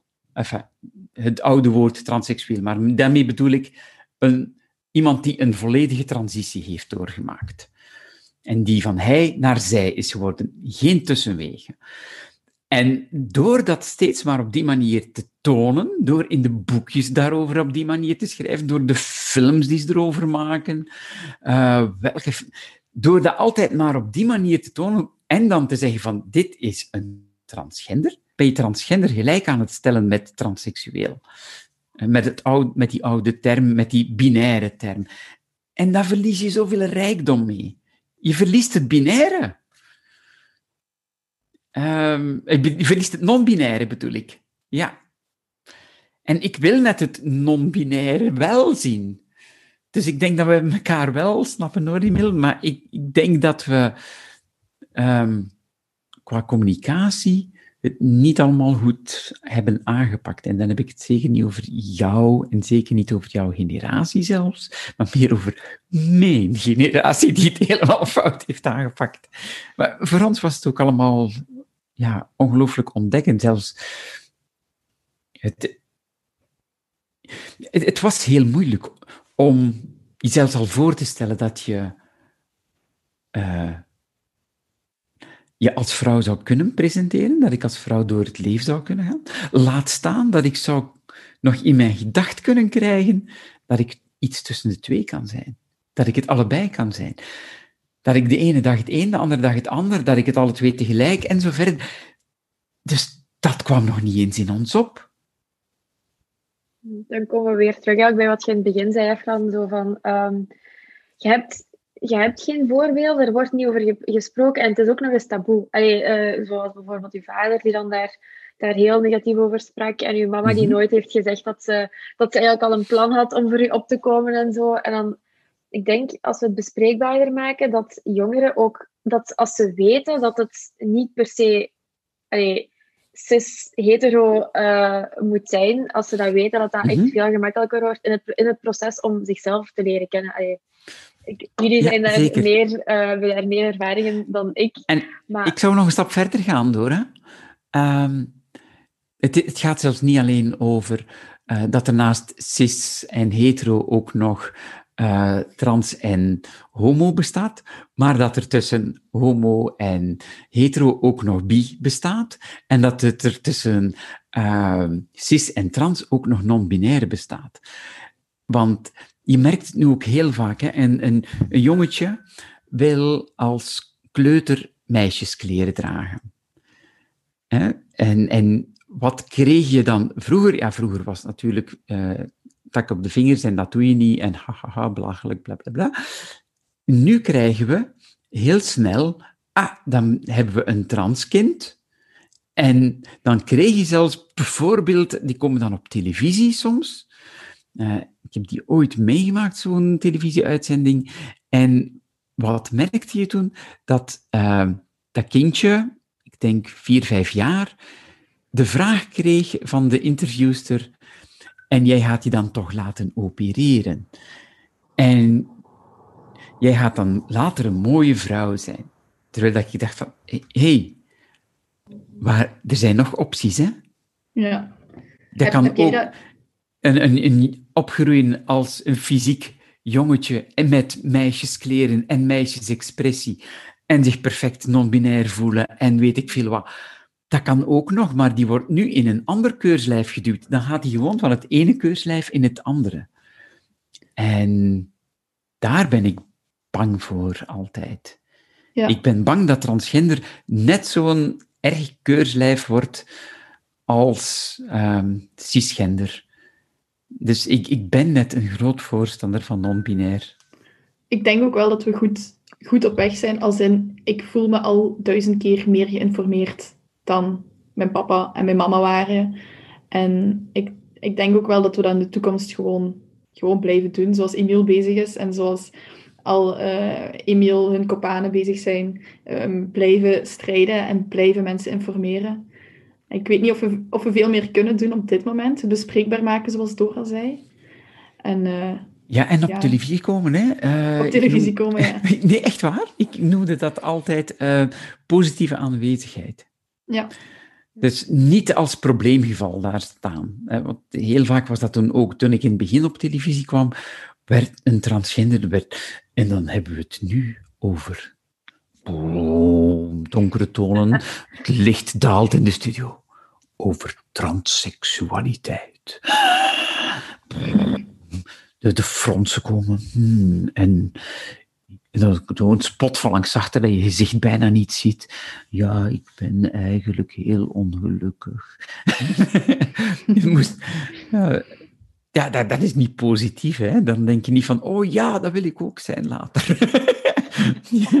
Joepie, ik ben ook trans. Ehm, ik had misschien nog een vraag voor Emil. Eh, Ja, Hoe- sorry. hoe ben jij erop gekomen dat je non-binair was? Hoe ontdek je zoiets en hoe weet je dat dan van jezelf? Ja, ik denk dat dat sowieso iets super individueel is. Ehm, ik weet gewoon dat toen, toen ik dat woord hoorde, dat ik echt zo dacht van, ja, dat, dat gaat wel gewoon zijn. en dan was dat heel snel een kannen en kruiken voor mij. Allee, dan wist ik wel heel duidelijk dat dat dat, dat, dat was. Op het moment dat ik dat hoorde. Ehm, Maar ik denk dat iedereen, ik weet niet, en anderzijds denk ik dat je ook een beetje vrede moet nemen met het idee dat identiteit iets super dynamisch is en dat dat ook gewoon verandert in, in tijd en ruimte en cultuur en context gebonden. En ehm, dat ik dat nu zo noem en dat dat over vijf jaar waarschijnlijk een andere naam gaat hebben voor mezelf. En dat dat ook oké is en dat die labels Ja. komen en gaan en ehm, Ja. dat hoe ik mij vroeger noemde geen vergissing was, maar dat dat misschien wel gewoon was wat ik toen aan het meemaken was. En dat nu Ja. gewoon iets anders meemaak. Ja, dat is heel mooi. Allee, dat is, dat is goed gezegd. Ehm, ja. Ehm, wat, wat ik mij afvraag is, hoe ben je in aanraking gekomen met die term non-binair? Want het is dankzij jou en dankzij Oei dat ik in aanraking ben gekomen met die, met die term. Dus dat, dat moet ergens ontstaan zijn, toch? Ja, ik heb geen flauw idee. Uit de Eh, wiskunde. Ja, Nee, ik Hexadecimaal is ook non-binair. heb wel ehm, humane wetenschappen gedaan, maar ik ben er ook heel zeker van dat dat daar niet aan bod kwam en dat daar een heel enge en nauwe visie op, eh, op trans en transidentiteiten werd aangereikt in de les. Dus dat weet ik dan wel nog, dus ik weet dat het zeker niet daar was. Eh St. Paulus, if you're listening, get it together. Dus echt geen, geen flauw idee. Waarschijnlijk gewoon toevallig of... Ja, ik ga je het antwoord schuldig blijven, denk ik. Oh, jammer. Maakt niet zoveel uit. Ik weet niet, Dora, heb jij misschien nog een vraag? Want Ja, ik, was, ik ben het volledig mee eens met wat je zei, Emiel, over die labels die kunnen veranderen. Ik, ben, allee, ik heb dat heel hard met zo het label hetero. Met, eh, wat ik daarnet... Allee, dat voelde in een, hele tijd wel, wel goed voor mij. En ook, ook toen ik begon te twijfelen van... Oh, dat is precies wat een vrouw die ik aantrekkelijk vind. Ah, maar ik ben, ik ben nog steeds hetero. en, en, maar daarna ben ik erover beginnen nadenken. En soms ben ik zo van... Ah, maar pan, pan lijkt me nog wel oké bij mij te passen. Maar dan ben ik zo van... Ah, maar... En dan even later, en dan iets later is het zo van... Nee, ik, ik heb, heb gewoon geen labels. Ik ben gewoon Dora. En ik val gewoon op, op wie ik val. En dan denk ik... Ja, dat is echt heel mooi wat je zei. Met dat, dat, dat dat niet betekent dat je op dat moment fout zat. Maar dat dat gewoon op dat moment was hoe dat je voelde. En Mhm. dat dat echt mag veranderen, dat dat kan veranderen, dat dat oké is om, om, te, ja, om te veranderen doorheen de tijd. Iedereen verandert, hè. Ja, ja, en ik, ik vind het ook mooi. Het, het, het is niet alleen de termen die veranderen door de tijd heen, maar wij veranderen ook. Hè? Ehm, ja, we, we worden andere mensen. We vallen opeens op andere mensen. En ja, En daarbovenop komt denk ik ook nog ehm, gewoon het idee van zo... Identiteit betekent voor iedereen iets anders. En er is geen één, er is geen één ervaring van vrouwelijkheid, bijvoorbeeld. Er is geen enkele vrouw ervaart haar vrouwelijkheid op exact dezelfde manier als iemand anders. Geen twee mensen ervaren non-binariteit op dezelfde manier. Geen, geen twee mensen heteroseksualiteit. En dat is waar ik daarnet al over had, van is echt een label, is gewoon een ruwe schets van een benadering van een deel van uw identiteit. Dus vooral pak de woorden die, die voor u goed voelen, waarvan jij denkt dat klopt voor wat ik meemaak, en geef daar ook vooral uw eigen invulling aan. Ehm, definieer wat dat woord voor u betekent, voor uzelf. Want je gaat nooit een woord vinden dat het echt helemaal samenvat. Dus niet bang zijn om gewoon dan eh, iets af te pakken en daarvan te maken wat dat goed voelt. Ehm, put yourself first. Hè. dat klinkt, echt, dat klinkt echt als een droom in mijn oren. Zo. Ja. De- ma- maak gewoon je eigen label en, en doe het daarmee. En als uw label volgend jaar een ander label is, dan is dat ook helemaal oké. Hmm. Ehm, ik hoop gewoon dat ook de oudere generatie ehm, daar ook mee mee kan gaan, want ik merk wel dat de oudere generatie een generatie is met iets meer nood aan vaste labels, eh, waar we dus ook aan het begin van het gesprek ehm, ja. een Fran over gehoord hebben. Ehm, He- hebben wij nood aan vaste labels? Eh, weet je wat we vooral nood aan hebben? Een woord waarover dat we het eens zijn met elkaar. Als iedereen iets anders bedoelt als je stoel zegt, dan wordt het soms moeilijk om ergens op te gaan zitten. Ik bedoel, eh, voor de een kan een stoel dan een, eh, ja, een paddenstoel noem ik gewoon een stoel, hè. Een fiets, dan noem ik een stoel. Ja, dan wordt het wel moeilijk om nog met elkaar te communiceren. Woorden zijn ook bedoeld om te communiceren, niet Ja. alleen om te labelen. ja, We, absoluut. we labelen dingen om te kunnen communiceren met elkaar. Ja, maar wat, wat Emiel en ik denk ook Dora en ik hier meer bedoelen, is dat bijvoorbeeld een zetel, daar kun je ook op zitten. Dus noem het ook gewoon een stoel. En een bank, noem het ook gewoon een stoel. Ik denk dat dat eerder is. wat, wat ik vooral bedoel is accepteren dat... Ja, ik vind stoel een slecht... Ik ga niet meer in de metafoor, maar dat klopt niet voor hoe complex het allemaal is, dus ik ga niet mee in zo. Ehm, waar het voor mij vooral om gaat, is gewoon van die woorden betekenen niet voor iedereen identiek hetzelfde, dus laten we niet Mhm. wachten tot het wel zo is. Ja. Als jij zegt, ik ben non-binair, en dat betekent iets voor u, noem jezelf dan zo. En dan Ja, ja, ja, daar kan ik in komen. Nee, En dat die woorden niet voor iedereen exact hetzelfde betekenen, is oké. en daar moet je vrede mee nemen. En dat die definities verschillen van elkaar, dat is oké. dat is normaal. mhm. En gaat dat perfecte communicatie opleveren? Waarschijnlijk niet. Maar dan moet je praten met elkaar over wat dat ja, graag. betekent. En als je zegt van, zet u op een stoel en je wijst eigenlijk naar een, naar een zetel. Nee, ik ga niet mee gaan. Knip dat eruit, Lucas. Nee, ik ga niet mee in de metafoor. Ik neem het terug. Knip het eruit. Yes! Yes, ik heb het! Yes! Knippen, knippen, knippen. Nee, nee. Eh, nee, bon, voilà, gewoon daar. En, maar daar I'm is a ook bitch, ain't I? Anna-Maria Gos is zo, eh, die heeft een heel goede thesis geschreven die ik, die ik aan het lezen ben. En die heeft een heel hoofdstuk over ehm the limits of identity.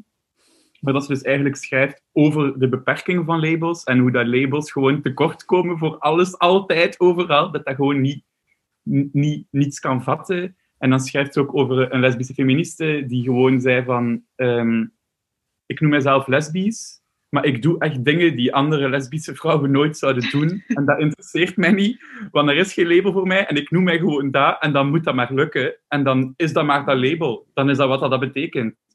Ik ga geen nieuw label zoeken, dat label gaat zien dat ik daaronder pas. En zij draait, zij draait het eigenlijk helemaal om. En dat is een super interessant ding, want zij schrijft dan ook over hoe dat zij seks heeft met homomannen en zij schrijft hoe dat zij seks heeft met, met van alles en iedereen en hoe dat zij een vaste partner had die een vrouw was, maar dan seks had mij en seks had mij en dit en dat. En zij, zij zegt eigenlijk van, en ik noem mezelf lesbisch en je kunt mij niet tegenhouden. en, en dat vind ik heel mooi. En, en dat is wel precies wat, wat ik hiermee bedoel gewoon. Van, Ja, Wacht niet op het label dat, waarvan de dat definitie... perfect zal zijn. Ja, ja, nee, daar ben ik het ook mee eens. Voilà. Ik, ik heb trouwens ooit een, een heel tof idee over labels. Zo, in plaats van te zeggen van, ik wil geen labels, dacht ik op een bepaald moment, ik wil ze net allemaal. zo, zo precies alsof dat je, eh, als je op reis ging, of in, in, in mijn fantasie dan toch, dan heb je zo'n koffer waar dat je stickers op kleeft van New York, eh, en, eh, Berlijn en Tokio en waar ik al allemaal geweest ben. En wel, mijn koffer met wie ik ben, hangt vol met labels. En hoe meer labels dat erop hangen, hoe rijker dat ik ben. en dan kan ik ook gewoon zeggen, ja, vandaag ben ik eigenlijk... Ah, ik zal nog één erbij plakken. Sluit Mijn nieuwste bij... is nu bipolair. Mijn nieuwste, ik heb die nu ook. Yes! Nog één erbij. Plak! Ja. Ik denk zo, wat jullie alle twee zeggen, wordt samengevoegd in zo wat Emiel zei over vrouwelijkheid. Zo van, als iemand zegt vrouwelijkheid, heb je wel een, een algemeen beeld van wat, wat ermee wordt bedoeld. En dan kun je er ook mee communiceren, grotendeels, behalve de kleinere details. Maar Mhm. dat is wel daarnaast voor iedereen persoonlijk hoe dat, dat wordt ingevuld.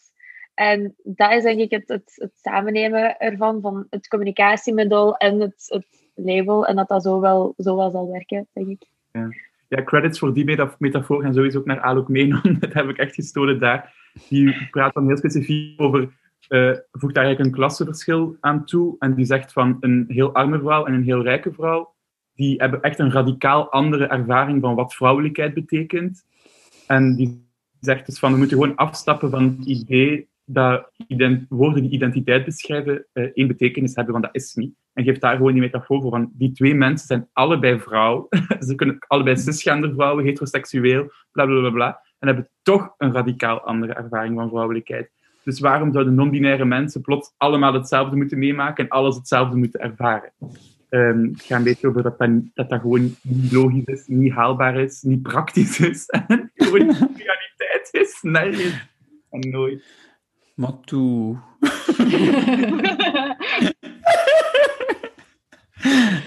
Oh, ja, ik denk, ik denk dat, het, dat dat mooi is om eh, deze aflevering mee af te sluiten, of aflevering, deze opname. Ehm, het is gewoon belangrijk dat iedereen zichzelf is. En ehm, ik denk dat dat onze grote boodschap is. Ik weet niet of jullie daar nog iets aan toe te voegen hebben. ja, ik zou enkel zeggen, wacht niet op je kinderen voordat je kinderboeken begint te schrijven, maar begin vooral nu al met je vrienden te praten die er geen hol om geven. En uh, benadruk vooral onze menselijkheid en onze individualiteit en uh, onze, onze hoop op geluk en liefde. Dat is ja. schoon. Dat vind ik ook schoon. Zeker. Uh... dat wordt mijn slotwoord van mijn kinderboek, denk ik een mooi slotwoord om mee af te sluiten. En dan gaan we nu over van Dora op Dora, want zij gaat ook het interview doen met professor Pieter Adriaans, jullie wel gekend als de prof van het vak Inleiding tot de wijsbegeerte. En Dora gaat hem een aantal vraagjes stellen. Enjoy! Welkom terug, beste luisteraars, bij onze tweede aflevering van onze podcast. Deze week uh, ben ik hier met professor Adriaans. Um, misschien om te beginnen een korte introductie. Wie u bent, welke vak u geeft, waaruit uw takenpakket uh, daarnaast nog bestaat. Uh, ja, uh, ik ben um, hoofddocent, zoals men dat noemt. Ik zit dus ergens op die ladder in de academische hiërarchie. Um, en ik ben hoofddocent aan het Hoger Instituut voor Wijsbegeerte. dat is eigenlijk de filosofische faculteit. Dat is dat mooie gebouw naast jullie lelijke gebouw. jullie binnenkort weliswaar mogen vertrekken. Um, uh, dus we zitten daar in de Tienste straat ook. Um, en ik geef dus één vak bij, bij jullie. Dat is het, uh, het, het eerstejaarsvak inleiding tot de wijsbegeerte, zoals het een beetje saai klinkt. Um, dat is het tweede semester. Dus de, de, nieuwe studenten zullen mij nog niet gehoord hebben. En ik ben, ja, ik ben als prof ben ik natuurlijk niet alleen docent. Ik, ik, word verondersteld, zoals alle professoren, drie dingen te doen, namelijk um, lesgeven, uh, maar ook onderzoek doen en wat men dan noemt dienstverlening. En wat onderzoek betreft, ja, dan ben ik een beetje, een beetje een atypische filosoof, denk ik. Uh, de studenten zullen dat wel weten of zullen dat nog wel te weten komen.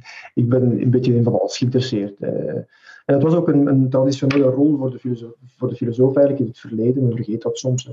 Uh, dat filosofen in het verleden eigenlijk heel veel verschillende dingen gedaan hebben. En, en een van die rollen van de filosoof in het verleden was eigenlijk een beetje de rol van de, wat we noemen de curiosus. Iemand die eigenlijk een beetje geïnteresseerd is in van alles. Maar dan, eh, ik ben dan eigenlijk vooral geïnteresseerd in wat, wat ik noem het particuliere. In het Engels zegt men singular things.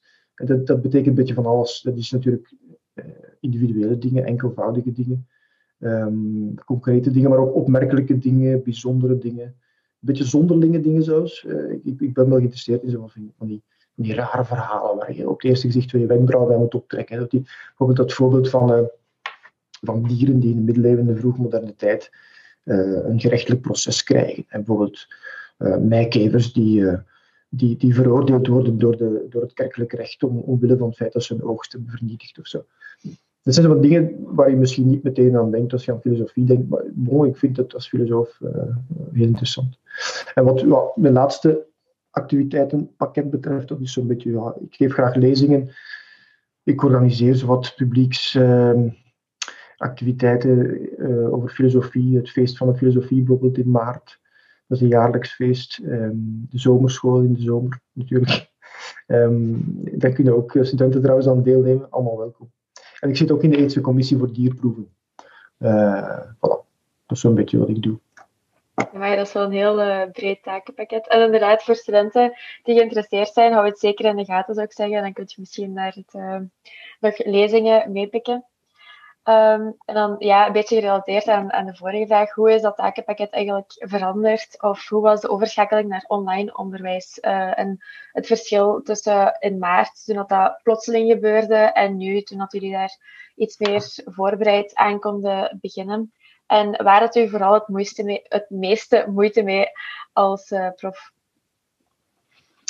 Um, goh, ja, die, eerste, die eerste corona-episode die overviel mij een beetje, maar dat was voor iedereen zo, denk ik. Uh, op vrijdag uh, zat ik nog uh, ergens in Kortrijk, denk ik, les te geven en, en ehm, opeens maandag kon er niks meer. Um, ik, had heel veel, ik heb aanvankelijk nog geprobeerd om zo wat in, in, in een lege aula te gaan lesgeven, zodat ik toch nog naar de les kon gaan zelf. En er zat dan toevallig nog één persoon, we zijn naam vergeten. Die jongen die was wat verloren en die zat nog liever in de les dan thuis op zijn kot. Ehm, maar dus ja, ik ben een beetje, ik ben een beetje ja, overvallen en, en ik, vond dat, ik vond dat verschrikkelijk eigenlijk, die hele ervaring. En dat met verschillende dingen te maken. En dus, ik, spreek nu zelf enkel over mezelf. Hè. Ehm, studenten hebben dat ongetwijfeld anders beleefd. Misschien nog erger of misschien beter dan ik. Weet je, voor mij is lesgeven eigenlijk is twee zaken. Ten eerste is dat een beetje een soort dramatische handeling. Vergelijk het met, met, met een muzikant die naar een optreden gaat. Of, of, een, of een acteur die, eh, die, die, die het toneel opstapt. Dat is een heel pakket. Uh, Um, vandaar dat dramatische. Je moet je voorbereiden, dus je moet, bijvoorbeeld als je muzikant bent, dan moet je je spullen gaan oppikken en dat inladen. Dat zijn vaak van die zware toestellen. In een auto duwen en dan ben je met drie in zo'n veel te klein camionetje onderweg, soms lange tijd. Dan kom je toe er is dan die bus van uitpakken en, en soundchecken en, en, en, en, een beetje stoer doen in de backstage en dat soort dingen. Eh, ik heb dat, bij, bij lesgeven is dat ook zo. Dus je gaat ergens naartoe, er is een soort opwinding, je hebt een verhaal in je hoofd je kunt het dan vertellen en, en daarna uh, kun je zo even gaan zitten en, en achteroverleunen en denken van, hmm, uh, dat, dat, dat ging best lekker of zo, in het beste geval. Dus er is daar zo heel, heel die, die bus die daar rondhangt, die, die viel helemaal weg. Dat vond ik al verschrikkelijk. Maar twee, wat ook nog belangrijk is, voor mij is lesgeven ook zo'n beetje, het is niet alleen dramatisch, maar ook zo meditatief. Uh, en dat klinkt wel raar, maar ik loop graag rond. Bijvoorbeeld mensen weten dat, ik denk dat sommige studenten op de zenuwen werken trouwens. dat ik de tijd rondloop als ik lesgeef. Maar dat heeft te maken met een soort ehm, beweging uh, van het lichaam en dat, dat, dat, brengt wat beweging in de geest. Dus ik, ik, ik, kan, uh, ik kan veel beter denken terwijl ik beweeg. Uh, ik kan het zo verkennen. Ik ontdek vaak nieuwe dingen terwijl ik aan het praten ben. En ik was eigenlijk echt goed op dreef in het vorige semester, tot dus de coronacrisis toesloeg. Um, ik heb dat trouwens bij schrijven ook. Ik, ik, weet, ik weet zelden op voorhand wat ik ga schrijven. Ik moet altijd schrijvend denken. Het is pas door te schrijven dat ik tot denken kom. En hetzelfde met lesgeven eigenlijk vaak. Dus ja, om al die redenen was het eigenlijk. Ik dus uiteindelijk zat ik dan thuis op mijn, bureau, uh, stil aan de computer tegen een scherm te praten. En dat is natuurlijk bepaald geen, geen erzats voor het, het echte werken. Dus ik vond dat verschrikkelijk. Nu, eh, nog een probleem is dat ik eigenlijk uh, heel veel les heb in het tweede semester. Dus ik, gaf uh, vier, uur, vier vakken. Uh, dat was natuurlijk dat was geen feest. Terwijl nu, dit semester, heb ik maar één vak. En bovendien kom ik nu eigenlijk tot, tot, vorige week, of tot twee weken geleden kom ik naar de les gaan. ik vind het een beetje jammer dat ze voor de eerste jaar die uitzondering niet zijn blijven maken, maar ik neem dat aan dat sommige eerstejaars het daarmee eens zullen zijn, anderen niet. Um, voor mezelf vond ik dat in ieder, geval, in ieder geval jammer. Dus nee, een feest was het niet. Laten we het daar maar op houden. en hopen dat het niet meer opnieuw gebeurt. Nee, inderdaad. Ik denk dat heel veel studenten daar ook mee eens zullen zijn dat het echt geen, uh, geen toffe bedoeling was om ineens over te moeten schakelen van het normale leven zoals we ze kennen naar ineens alles digitaal en uw vrije tijd is digitaal en uw, uw lessen zijn digitaal en ineens zit je gewoon alles in je leven is gewoon aan je bureau, achter je computer. Alleen voor sommige mensen, um, als je gaat sporten of zo, niet. Maar ja, het was wel heftig.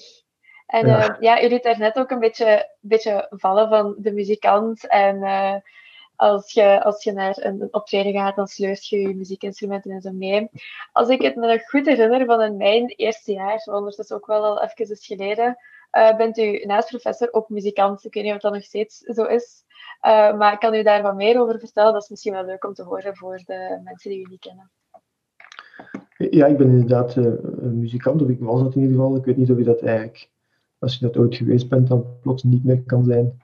Um, ik speel heel muziek, uh, veel klassieke muziek in mijn jeugd. Um, verschillende instrumenten en zo. En dan de laatste 15 jaar was ik eigenlijk ja, pianist van een, een band die nog wel beroemd zijn we nooit geweest, maar we hebben wel een paar leuke dingen kunnen doen. Um, en we, eigenlijk, we deden een beetje klassieke muziek, we bewerkten klassieke muziek eigenlijk tot een soort, ja, een beetje filmische postrock eigenlijk. En postrock, ja, dat is moeilijk te zeggen, wat is dat eigenlijk? Instrumentale muziek vaak, uh, nogal uh, evocatief, een beetje filmisch, meeslepend, zoveel uh, dramatische in, ja, zo wendingen eigenlijk. Dus ik vond de, soort stijl die, die mij altijd wel die, die, die ik altijd wel graag gespeeld heb. Maar dus wij deden iets met klassieke muziek. We hebben eigenlijk drie platen opgenomen. We hebben iets gedaan met Erik Satie. Erik Satie, dat is zo'n Franse componist, ik denk begin 20e eeuw. Een fantastische, beetje, beetje contraire mens. Het is allemaal van die gekke dingen. Zo. Van die gekke stukken met van die gekke namen, zoals drie stukken in de vorm van een peer. Dat waren eigenlijk maar twee stukken of zo. Dat was eigenlijk en, en, en schreef er ook altijd van die rare richtlijnen bij, weet je. En, en, en, en uh, een componist zegt soms hoe je iets moet spelen. Wat op zich eigenlijk nogal bemoeizuchtig is. Want fuck you, bedoel, hoe dat die mensen dat spelen, dat is één zaak, maar wat ik moet doen is iets helemaal anders. Maar, eh, nee, maar Satie speelt daar zo'n beetje mee. Hij zegt hem, ja, je moet, je moet dit stuk met verbazing spelen, bijvoorbeeld. Of, eh, of, of je moet dat stuk glimmend spelen. Het totaal onduidelijk is wat dat betekent, maar het is eigenlijk wel grappig. Eh, maar dit is eigenlijk heel toffe muziek. Eh, dus luisteraars moeten dat maar eens bijvoorbeeld luisteren naar de gymnopedie van uh, Satie, de. Iedereen kent dat wel een beetje. Soms wordt dat ook tot muzak verdraaid en dan in, in, in de Inno gespeeld en zo. Dat is dan jammer, maar... Um, dus als ene componist hebben we Arvo Pärt gedaan. Dat was een beetje een ander paar Dus wat meer meditatieve muziek. Hè. Spiegel in Spiegel bijvoorbeeld hebben we gedaan. Aline hebben we gedaan. Um, dat was ook een heel ander plaat, maar wel, ja, was wel ik vind dat, daar ben ik meest trots op eigenlijk, op die tweede plaat. Um, Arvo Pärt heeft trouwens, is er trouwens altijd bezig, is een uh, levende componist. Een est, denk ik, als ik me niet vergis. Fantastische baard, iemand. en dan hebben we de laatste plaat, is de Chopin. Frédéric Chopin, dus wat uh, preludes bewerkt. Dat was niet slecht, maar weet je, die eerste twee platen, dat ging allemaal heel goed. Uh, een paar mooie optredens meegedaan. Zo.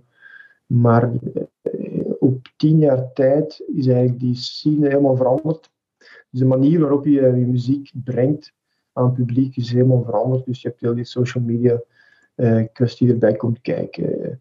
Um, ik bedoel, een website. Vroeger hadden we een website waar je boekingen op kon doen en, dat soort dingen. Dat is allemaal niet meer aan de orde. Dus dat gebeurt allemaal via Facebook. En we waren zo'n beetje de voeling kwijt. En uh, ja, de optredens kwamen minder vlot binnen. En voor mij, zoals ik zei, is dat echt het, het hetgeen ik graag deed, optreden. Zo wat, wat uh, rommel in je repetitiekot, ik, dat was een noodzakelijk kwaad voor mij. ik wou altijd gaan spelen. Uh, ja. Maar dus dat is sinds vorig jaar gedaan. Vorig jaar hebben we ons afscheidsconcert gegeven. En nu heb ik daar even geen zin meer in. Ik heb geen, ik weet het niet, misschien komt dat nog wel eens terug. Af en toe pak ik nog eens een gitaar vast of zo. Maar um, ik ben ook zo geen publieksmuzikant of zo. Mensen vragen dan, ah, speel ik er iets? En ik, ah, nee, dat gaat. Maar goed. Maar... Ja, kunnen, zij ook, kunnen mensen eigenlijk vinden of zo op, op Spotify of op, uh, wat bestaat er allemaal? iTunes uh, of YouTube? Of, ja, je moet staat dat... Ja, op YouTube staat er het een en het ander. moet je maar, dat heet, de, heet Grim. G-R-I-M. En dan moet je meestal satie of zo bijvoegen, dan vind je wel het een en het ander. Ik denk op Soundcloud staat die laatste plaat ook nog gratis volgens mij. Um, en op, op, Spotify ook, denk ik, ja, als ik me niet vergis. Maar je moet een beetje moeite doen om te zoeken. Het is allemaal van die rare, obscure bands. Ja, ja. Maar wel, allee, klinkt wel heel interessant. Zo. Mensen denken vaak, ah ja, professoren. Het, stereotype is uh, natuurlijk heel anders dan een, uh, iemand die naast prof ook nog eens muzikant is. Um, en dan, ja, daarbij aansluitend, was eigenlijk uw favoriete muzikant of uw favoriete liedje of genre in het algemeen? Uh, dat heeft u net al een beetje verklapt met zo de uh, post-rock, of ja, de stijl van jullie muziek. Maar... Ja, dat is altijd, ik vind dat een moeilijke vraag, omdat ik zo naar zoveel verschillende dingen luister. Uh, een beetje afhankelijk van mijn gemoedstoestand en mijn humeur. maar iets waar ik altijd wel vrolijk van word, is wat we noemen Balkan van Varen. Uh, zijn van die Roemeense, vaak Roemeense bands. Uh, van Vare Chocarlia bijvoorbeeld is eigenlijk mijn topfavoriet. Van Vare Chocarlia, moet maar eens opzoeken. Um, die hebben onder andere ook al filmmuziek gemaakt voor uh, de films van Emir Kusturica. Dat is altijd van die heel zotte muziek, heel veel beats per minuut, gaat heel snel, veel toeters en bellen. En zotternij. af en toe treden ze op in België trouwens, absoluut de moeite waard om eens te gaan kijken. Het is een beetje allemaal heel baldadige muziek. Zo. Dus, ehm, en heel feestelijk en zot. En het heeft zo die totaal chaotische inslag van veel uh, Oostbloklanden, denk ik. Ehm, dus dat is wel iets wat ik graag luister. Maar tegelijkertijd hou ik ook heel veel van die zo wat meer verstilde muziek. Uh, bijvoorbeeld dingen van Leonard Cohen. Bijvoorbeeld die laatste plaat vind ik eigenlijk echt goed. You Want It Darker van uh, Leonard Cohen. Ik denk uit 2016 of zo is die plaat. Uh, Richard Hawley bijvoorbeeld, maak ik ook altijd graag reclame voor. Richard Hawley is een muzikant uit. Dat was de gitarist van Blur, denk ik, of van Pulp, ik vergeet het altijd. Uh, maar het is een fantastische zanger. Heeft een ongelooflijk mooie stem en maakt, heeft een aantal prachtige platen gemaakt. Onder andere True Love's Gutter. Uh, heel mooie plaat uit 2009 of zo, denk ik. maar heeft er recent nog meer gemaakt. dus heel, ja, een beetje meer salonachtige muziek. Zo.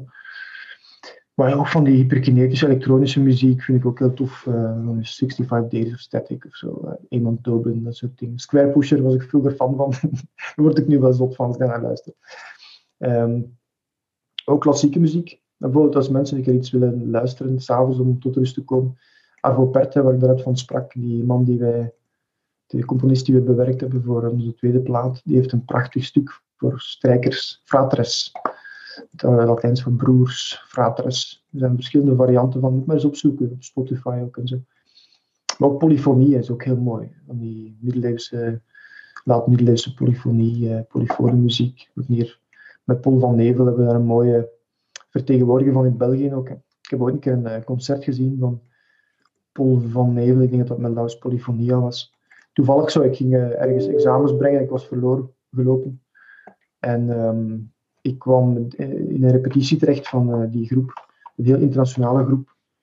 Die, zo wat, ja, die waren wat aan het proberen. Zo er een beneden in de kelder aan het oefenen, zijn toonladders. En uh, boven waren ze dan samen aan het zingen. Fenomenaal, fenomenaal. Gewoon stemmen, alleen stemmen. Um, dus ja, een beetje van alles. Sorry, ik heb, ja, dat is zo kort samengevat. Ja, dat is wel interessant. Dus voor ieder wat wils eigenlijk, als uh, studenten ja. aanraders zochten om nog eens naar te luisteren. Jullie hebben uh, een heel uitgebreid aanbod gekregen en uh, over aanraders gesproken. Uh, waar we eigenlijk nog weten dat jullie u een boek of een film of een serie kan aanraden aan onze studenten waar dat u graag naar kijkt of wat u graag leest. Voor degenen die in deze lockdown zich misschien willen bezighouden met iets te lezen of iets te kijken. Uh, ja, ik lees, ik lees heel graag. Ik lees heel veel, maar ook daar zo'n beetje, ben ik een beetje een ongeleid projectiel. Uh, maar er zijn wel een aantal boeken die ik in de voorbije jaren heb gelezen, maar die niet per se daarom in de voorbije jaren verschenen zijn. Ik, ben zo, ik koop wel wat nieuwe boeken, maar soms lees ik ook iets dat ik al lang liggen, dat ik al lang heb moeten lezen. Een van de boeken die ik heel mooi vind, eigenlijk voor deze tijd heel geschikt vind ik, is het boek uh, Austerlitz van uh, Wilfried Sebald, een Duitser, Winfried Sebald. Austerlitz. Het gaat over een man en die heet Jacques Austerlitz, een architectuurhistoricus, denk ik, als ik me niet vergis. Dat klinkt heel saai wat ik nu ga vertellen, maar het is een fantastisch boek. En het gaat eigenlijk over een, man die, dus die in Engeland woont en die uh, eigenlijk na verloop van tijd uh, eigenlijk beseft dat hij Enfin, hij gaat op zoek naar zijn ouders in ieder geval, naar zijn, naar zijn voorgeschiedenis. Zo. Hij weet eigenlijk weinig over zijn voorgeschiedenis. En door toeval ontdekte hij eigenlijk dat hij een van de eerste, van een van de kinderen was op een van de eerste kindertransporten van Wenen, denk ik, naar Engeland. En dus uh, toen bij het begin van de Tweede Wereldoorlog de Joden steeds benauwder kregen in Wenen, uh, probeerden ze niet alleen zelf te ontkomen, maar als ze merkten dat zij niet meer konden ontkomen, stuurden ze hun kinderen eigenlijk weg naar onthaalfamilies in Engeland. En dus door een toeval ontdekte hij dat hij een van die kinderen was. Hij gaat eigenlijk op zoek naar um, ja, mensen die hem nog gekend hebben als kind. En, maar het heeft een soort, het is prachtig geschreven, moeilijk geschreven, op een rare manier moeilijk. Het is een beetje heel omslachtig verteld. Maar er zit zoveel melancholie in. En het is zo mooi hoe dat die man zijn verhaal vertelt, ook aan de hand van de architectuur in zijn, in zijn buurt, in zijn omgeving. het is echt een heel, heel mooi, heel mooi boek. Ehm, en dan een beetje ja, een ander boek dat ik de voorbije jaren heb gelezen, is een boek van Edward St. Aubin de Patrick Melrose novels. Patrick Melrose is zo'n beetje de hoofdfiguur van een aantal boeken eigenlijk van Edward St. Aubin. En uh, dat is eigenlijk een jonge man van adellijke afkomst die misbruikt is door zijn vader als kind. Uh, zijn moeder heeft een soort messiascomplex en geeft haar geld aan uh, arme kinderen, maar heeft geen, gunt haar eigen kind geen blik waardig. Of slaagt er in ieder geval niet haar kind te beschermen tegen de, de gretigheid van haar man. En dan volg je eigenlijk die jonge man doorheen een aantal boeken uh, tot in volwassenheid. En dit is, dat, het verhaal van die man is, dus, fictie, maar het is hallucinant. Uh, hij gaat dan de drugs en zo af. Zijn vader sterft dan. Het, zijn, het is trouwens ook verfilmd. Het is een serie van gemaakt, dus niet, niet makkelijk te vinden. Met Benedict Cumberbatch. Niet onbelangrijk. Een knappe acteur mag altijd wel natuurlijk. Uh, maar dit is een ongelooflijk boek. Keihard. Um, maar tegelijkertijd poëtisch heel mooi geschreven. Echt heel, wow man, dat is, als je dat leest, dan zinkt de moed in de schoenen als schrijver. Uh, echt zo goed geschreven, fantastisch. Um, ja, en dan wat, van die, wat ik ook wel leuk vind, zijn van die oudere klassiekers. Langs heb ik een keer Buddha of Suburbia gelezen van Hanif Kureishi. Um, en dat is een van de eerste boeken van Kureishi eigenlijk. Uh, het is ook een heel baldadig boek. Ik vind dat eigenlijk heel leuk. Ik merk dat ik daar vaak terugkomt. Uh, baldadige muziek, baldadige... Uh, ja, een beetje onnozel en, en grappig en, en, en, en zo brutaal ook tegelijk. Dat vind ik altijd wel leuk. Ja. Voilà, dat wat betreft boeken. En wat betreft films, goh, ik ben zo'n liefhebber van voor de klassieke, klassieke grote drama's. Zo, uh, genre Call Me By Your Name vond ik een heel mooie film. Call Me By Your Name van 2017. Uh, van, hoe heet die man weer al? ja, Guadagnino, denk ik. Um, met dingen. Timothée Chalamet. Um, fantastische acteur. Het gaat zo'n beetje over een soort homoseksuele liefdesrelatie. Het, het, het, is heel mooi. Dat, het, dat brandend verlangen van zo'n eerste verliefdheid is heel mooi in beeld gebracht. Echt heel knap. Um, en dan ja, Youth bijvoorbeeld vond ik ook fantastisch. van Paolo Sorrentino. over twee van die zakken die ergens in zo'n in zo'n prachtig wellnesscentrum in de, in de Alpen zitten te mijmeren over hun leven. Um, heel, mooie, heel, heel mooie film, ja. En dan een heel mooi documentaire, want dat is lang geleden die je gezien hebt, maar die, die wil ik altijd aanraden aan mensen, zeker aan jonge mensen, is Être et avoir. Dus Être et avoir hebben en zijn. Van Nicolas Philibert is dat uit 2001. Dat gaat over een, eigenlijk een soort documentaire bijna, over een, een, een, een, een leraar lagere school, middelbare school en een dorpsschool. Alle kinderen zitten samen, zo van, van, van 5 tot, tot 20 jaar eigenlijk. En uh, dat is een heel klein schooltje, daar komt niemand naartoe, is op het platteland zo. En die man verricht daar ongelooflijk werk, ongelooflijk werk. Dus een beetje een maatschappelijk werker tegelijkertijd. En, uh, er zijn fantastische... Het gaat ongelooflijk traag, dus ik heb, ik heb het heel erg voor trage films. dus diegenen die graag wat snelheid en actie hebben, die mogen voorbij minuten deleten. Uh, want geen van de films die ik vernoemd heb, die zijn ook maar enigszins uh, actiefilms. Maar goed, dat is mijn ding, ja. Ah, en nog een aanrader, uh, als, je, als mensen nog iets zoeken om zich, be zich bezig te houden. dat was een serie met Ricky Gervais. Afterlife heet het. Dat je kan zien op Netflix, als ik me niet vergis. Maar alleen het eerste seizoen. Het tweede seizoen is rot slecht. Ik weet niet goed waarom hij dat nog gedaan heeft. Ik denk dat er nog een derde seizoen komt ook, wat verschrikkelijk is. Want dat eerste seizoen is echt heel mooi. Dus Ricky Gervais is zo'n beetje die een vervelende, echt een vervelende mens. Grappige mens, maar wel vervelend. En hij speelt daar ook zichzelf, maar tegelijkertijd komt er een soort schoonheid bovendrijven in zijn karakter. In zijn personage, want hij speelt natuurlijk een personage. Het is echt aandoenlijk. Dat eerste seizoen is heel mooi. Ja, echt heel mooi. En grappig ook. Voilà. Nee, Heel mooi. Ik denk, uh, ik denk dat heel veel luisteraars heel blij zullen zijn met alle aanraders. Allee, ik heb zelf ook al dingen gehoord van, ah, oké, okay, dat, ga ik, dat ga ik onthouden, dat, um, kijken. Dus, ja, en ook het, het stuk dat u zei over um, boeken lezen die ja, al lang had, moet, al lang had moeten lezen, die al jaren in de kast lagen. Dat heb ik bij Call, Call Me By Your Name. Ik ben de film, Ah, ja. heb, ik bewust nog niet, heb ik bewust nog niet gekeken, omdat ik eerst het boek wil lezen, maar ik ben nog niet geraakt aan het boek lezen. Dus eh, Ja, hierbij is het wel een extra incentive voor mij om er toch maar aan te beginnen. ja, ja. ja. Ehm, en dan hebben we nog enkele, allee, twee vraagjes die ingezonden zijn door studenten. Eh, de eerste is, wat vond u van uw deelname aan het programma Stukken van Mensen? Ik moet eerlijk toegeven, ik had nog nooit van dat programma gehoord tot ik die vraag eh, las. En toen ben ik het gaan opzoeken. En, ehm, maar allee, het is me nog steeds niet helemaal duidelijk wat het is. Dus misschien een beetje... het is een beetje Ja. context, zou misschien wel Ja. fijn zijn. Dat is het programma, dat is het programma ehm, eigenlijk waarin gewone mensen, maar ook een paar BV's, want die moeten tegenwoordig natuurlijk overal bij zitten, ehm, eh, een stuk, dus een, een, een, eh, ja, een meubelstuk of een, een, ja, een, kunstwerk ehm, eh, kunnen aanbieden aan een aantal antiquairs. ter, die, die ter plaatse zijn en die het object daar voor het eerst te zien krijgen. Of aan voor het eerst. Dat ze vaak op voorhand wel een beetje gebriefd worden, maar ze doen in ieder geval zo het voor het eerst is dat ze dat zien. En, ehm, dus ja, en als je geluk hebt, vind je iemand die een goede prijs biedt en eh, eh, ga je wat rijker naar huis, maar zonder dat object dus.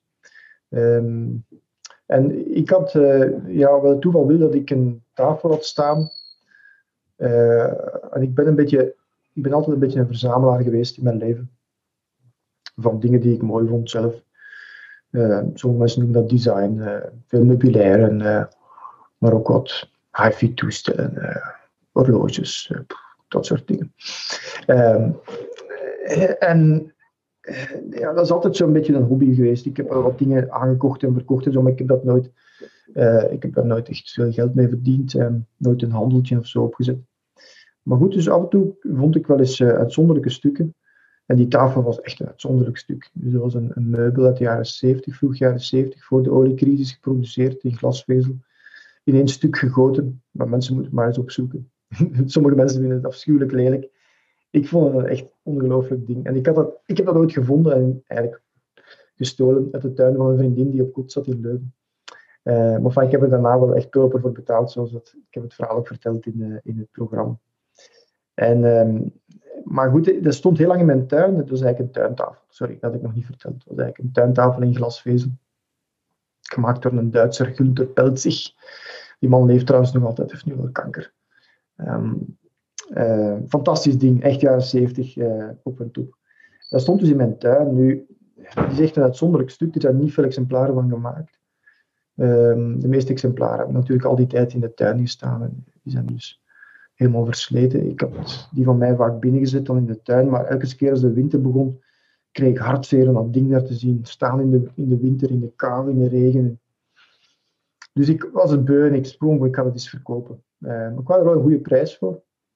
Zo sluw ben ik dan wel. En ik had dus alle antiquairs aangeschreven in, eh, in Europa. Dat is niet zo moeilijk als het klinkt, eh, als je een beetje bekend bent in die wereld. En Bo, ik had dus wat offertes gekregen, dus ik wist ongeveer wat ik kon krijgen voor dat ding. Maar dan dacht ik, weet je, misschien is het ook wel eens tof om dat aan te bieden op tv, in dat programma. Ik had er zo'n beetje een opvlieging aan meegedaan. Eh, een bevlieging, sorry, aan meegedaan. En uh, ze vonden dat wel interessant, dus ik, ik mocht daar naartoe. Nu, het, het, het, het vervelende was, de week ervoor had ik nog een mail gekregen. Dat is, dat is een beetje inside information, die dus niemand kent eigenlijk, speciaal voor uw luisteraars.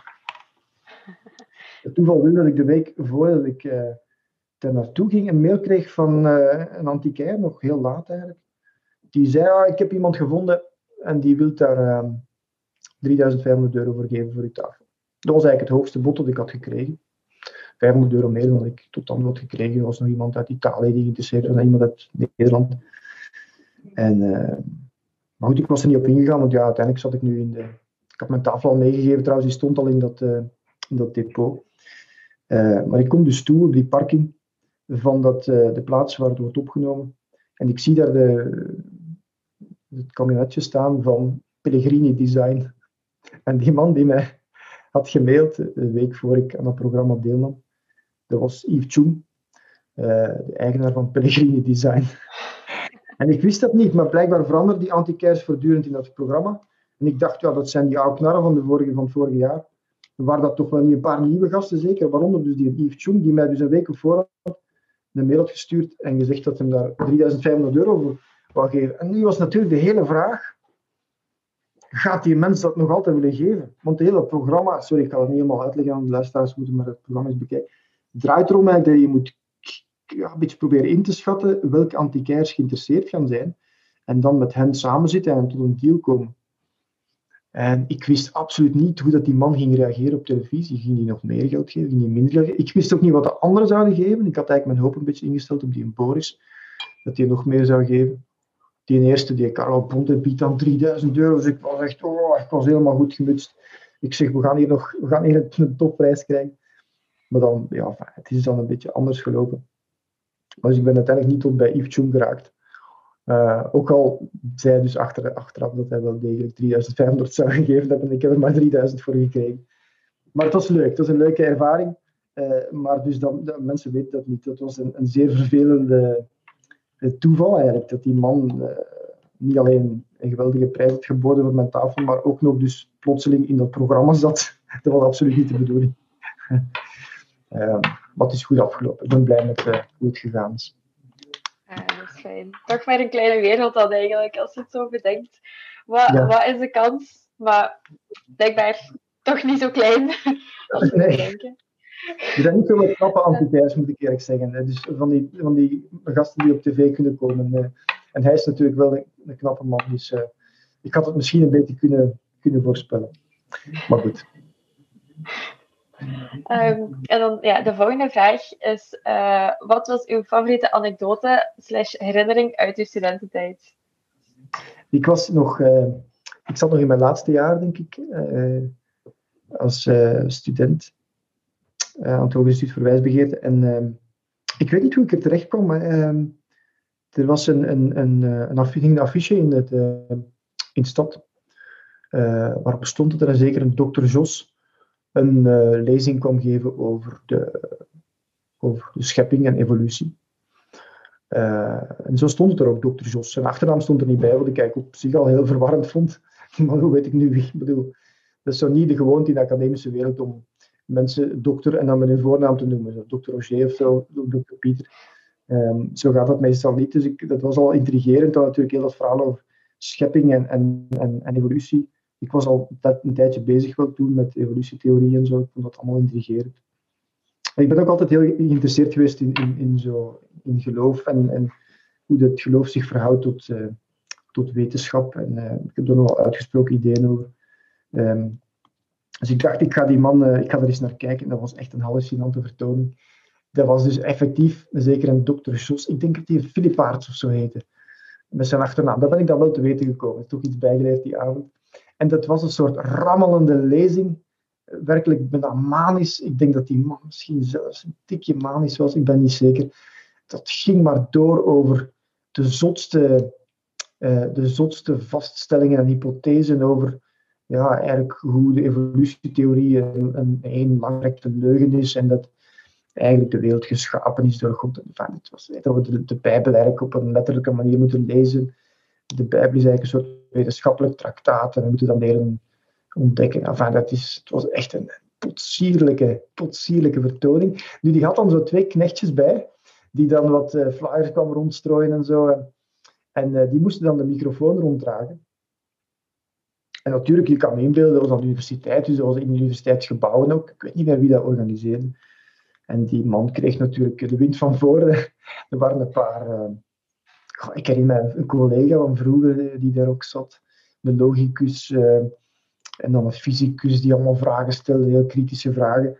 En dus zo, zodra het te heet werd onder de, onder de voeten, dan, uh, dus die, die, die, zijn slaven gingen daar rond met de, met de micro en dan, dan deed hij zo wat teken van pak die micro nu maar af, het is genoeg geweest, we gaan iemand anders het. Dus zodra het te moeilijk werd, uh, voilà, werd, werd de spreker eigenlijk de mond gesnoerd uh, ja, dat was echt een, dat was wel een, een, memorabele avond, moet ik eerlijk zeggen. En ik kwam daar toch buiten zo denken van, jongens... Nu, achteraf gezien, dus Jos was eigenlijk dokter Jos. Jos, ik weet eigenlijk, maar het schijnt is die dokterstitel ook een beetje overdreven. Maar enfin, ehm, dat is een ander verhaal. Dat was eigenlijk een soort creationist. Uh, ik kende dat toen niet. Creationisten zijn mensen die ja, van mening zijn dat de Bijbel eigenlijk een soort wetenschappelijk traktaat is. En dat we dat vooral heel letterlijk moeten lezen. Um, ook de vereisnis en dat soort dingen. En, en, dus ik vond dat, ik vond dat buitengewoon intrigerend. Um, voilà, dat was zo, ja, dat was wel een, een, avond die mij bijgebleven is. Er zijn ook andere avonden die mij minder bijgebleven zijn, maar daar ga ik nu niks over zeggen. Ja, dat is wel een hele ervaring. Ik denk dat niet veel, dat niet veel studenten zoiets meemaken in hun studententijd. Dat ze zoiets... Het is jammer. Ik denk dat hij niet meer bestaat. Ik denk dat hij niet meer, uh, geen lezingen meer geeft, want ik heb hem nog wat zitten opzoeken onlangs. Want het zou zo tof zijn om hem een keer naar Leuven te halen. Maar uh, ik denk dat hij, ik, denk, ik weet, misschien is hij gestorven of misschien is hij, heeft hij zich bekeerd. Wie weet. Van gedachten veranderd. Ja. Um, en dan was nog een vraagje die wij... Deze komt van het, van het podcastteam zelf. Uh, wat vond u het moeilijkste onderwerp of vak tijdens uw studententijd? Ik denk dat voor veel psychologie-studenten dat, dat het antwoord statistiek zal zijn, maar ja, ik ook eens weten wat, wat uw antwoord op die vraag ja, we hebben filosofie hebben we een beetje equivalent van een, eh, van statistiek van bij jullie. Dat is eigenlijk het vak logica. Um, dat wordt uh, ja, dat is traditioneel moeilijk. Een beetje waarom? Dat is een beetje een, een vak dat, ik zal niet zeggen wiskundig is, maar toch zo'n beetje, dat is heel geformaliseerd. Um, en de meeste studenten filosofie, die, die komen filosofie studeren omdat ze niet bijzonder sterk zijn in de exacte wetenschap. Laat ik het maar zo even eufemistisch uitdrukken. En ik reken mezelf daartoe trouwens. Ik ben heel slecht geweest in fysica en wiskunde. Uh, ik heb behoorlijk al wiskunde gehad, maar dat was altijd een beproeving. En dus dat was ook een van mijn mindere vakken, moet ik eerlijk zeggen. Ik was nu wel een echte, ik was echt een nerd, dus ik studeerde mij altijd te pletter. Dus ik, was, ik had nooit echt heel slechte punten, maar, maar logica was echt wel een van mijn slechtere. En, maar dan heel, aan de hele andere kant van het spectrum, uh, dat was dan heel droog eigenlijk en analytisch en, en een beetje wiskundig geformaliseerd. Dat lag mij niet. Een heel ander spectrum had je zo van die gewoon moeilijke filosofen, zo van die Duitse filosofen of, of, uh, of Franse filosofen, die bijzonder veel moeite doen om zich zo omslachtig mogelijk uit te drukken. En waar je eigenlijk een heel leger van interpretatoren en commentatoren nodig hebt om te begrijpen wat die man mogelijk zou kunnen zeggen. en ik vond dat altijd zo wat potsierlijk. Ik dacht altijd maar, allee, hoe is dat nu mogelijk dat iemand zich niet gewoon helder kan uitdrukken? Waarom hebben wij Waarom hebben we nu tien commentatoren nodig om duidelijk te maken wat dat die eigenlijk in de eerste plaats zelf zou zeggen? Ik snapte dat niet goed. En, en ja, zo mensen als Husserl bijvoorbeeld, of, of, Heidegger, Martin Heidegger, dat was ook zo'n beetje een mislukte dichter. die, die, eh, ja, ik herinner me dat, dat was dan in Duits natuurlijk ook, dat was ook ellendig. Duits is niet mijn favoriete taal. Maar dan zo die, oh, die diepe gedachten die werkelijk kant nog wel raakten eigenlijk in mijn ogen ik kreeg daar geweldig van op mijn zenuwen. En dat is nog altijd zo. Ehm, ik heb het nogal voor helderheid. Dat is misschien ook een beetje atypisch voor filosofen.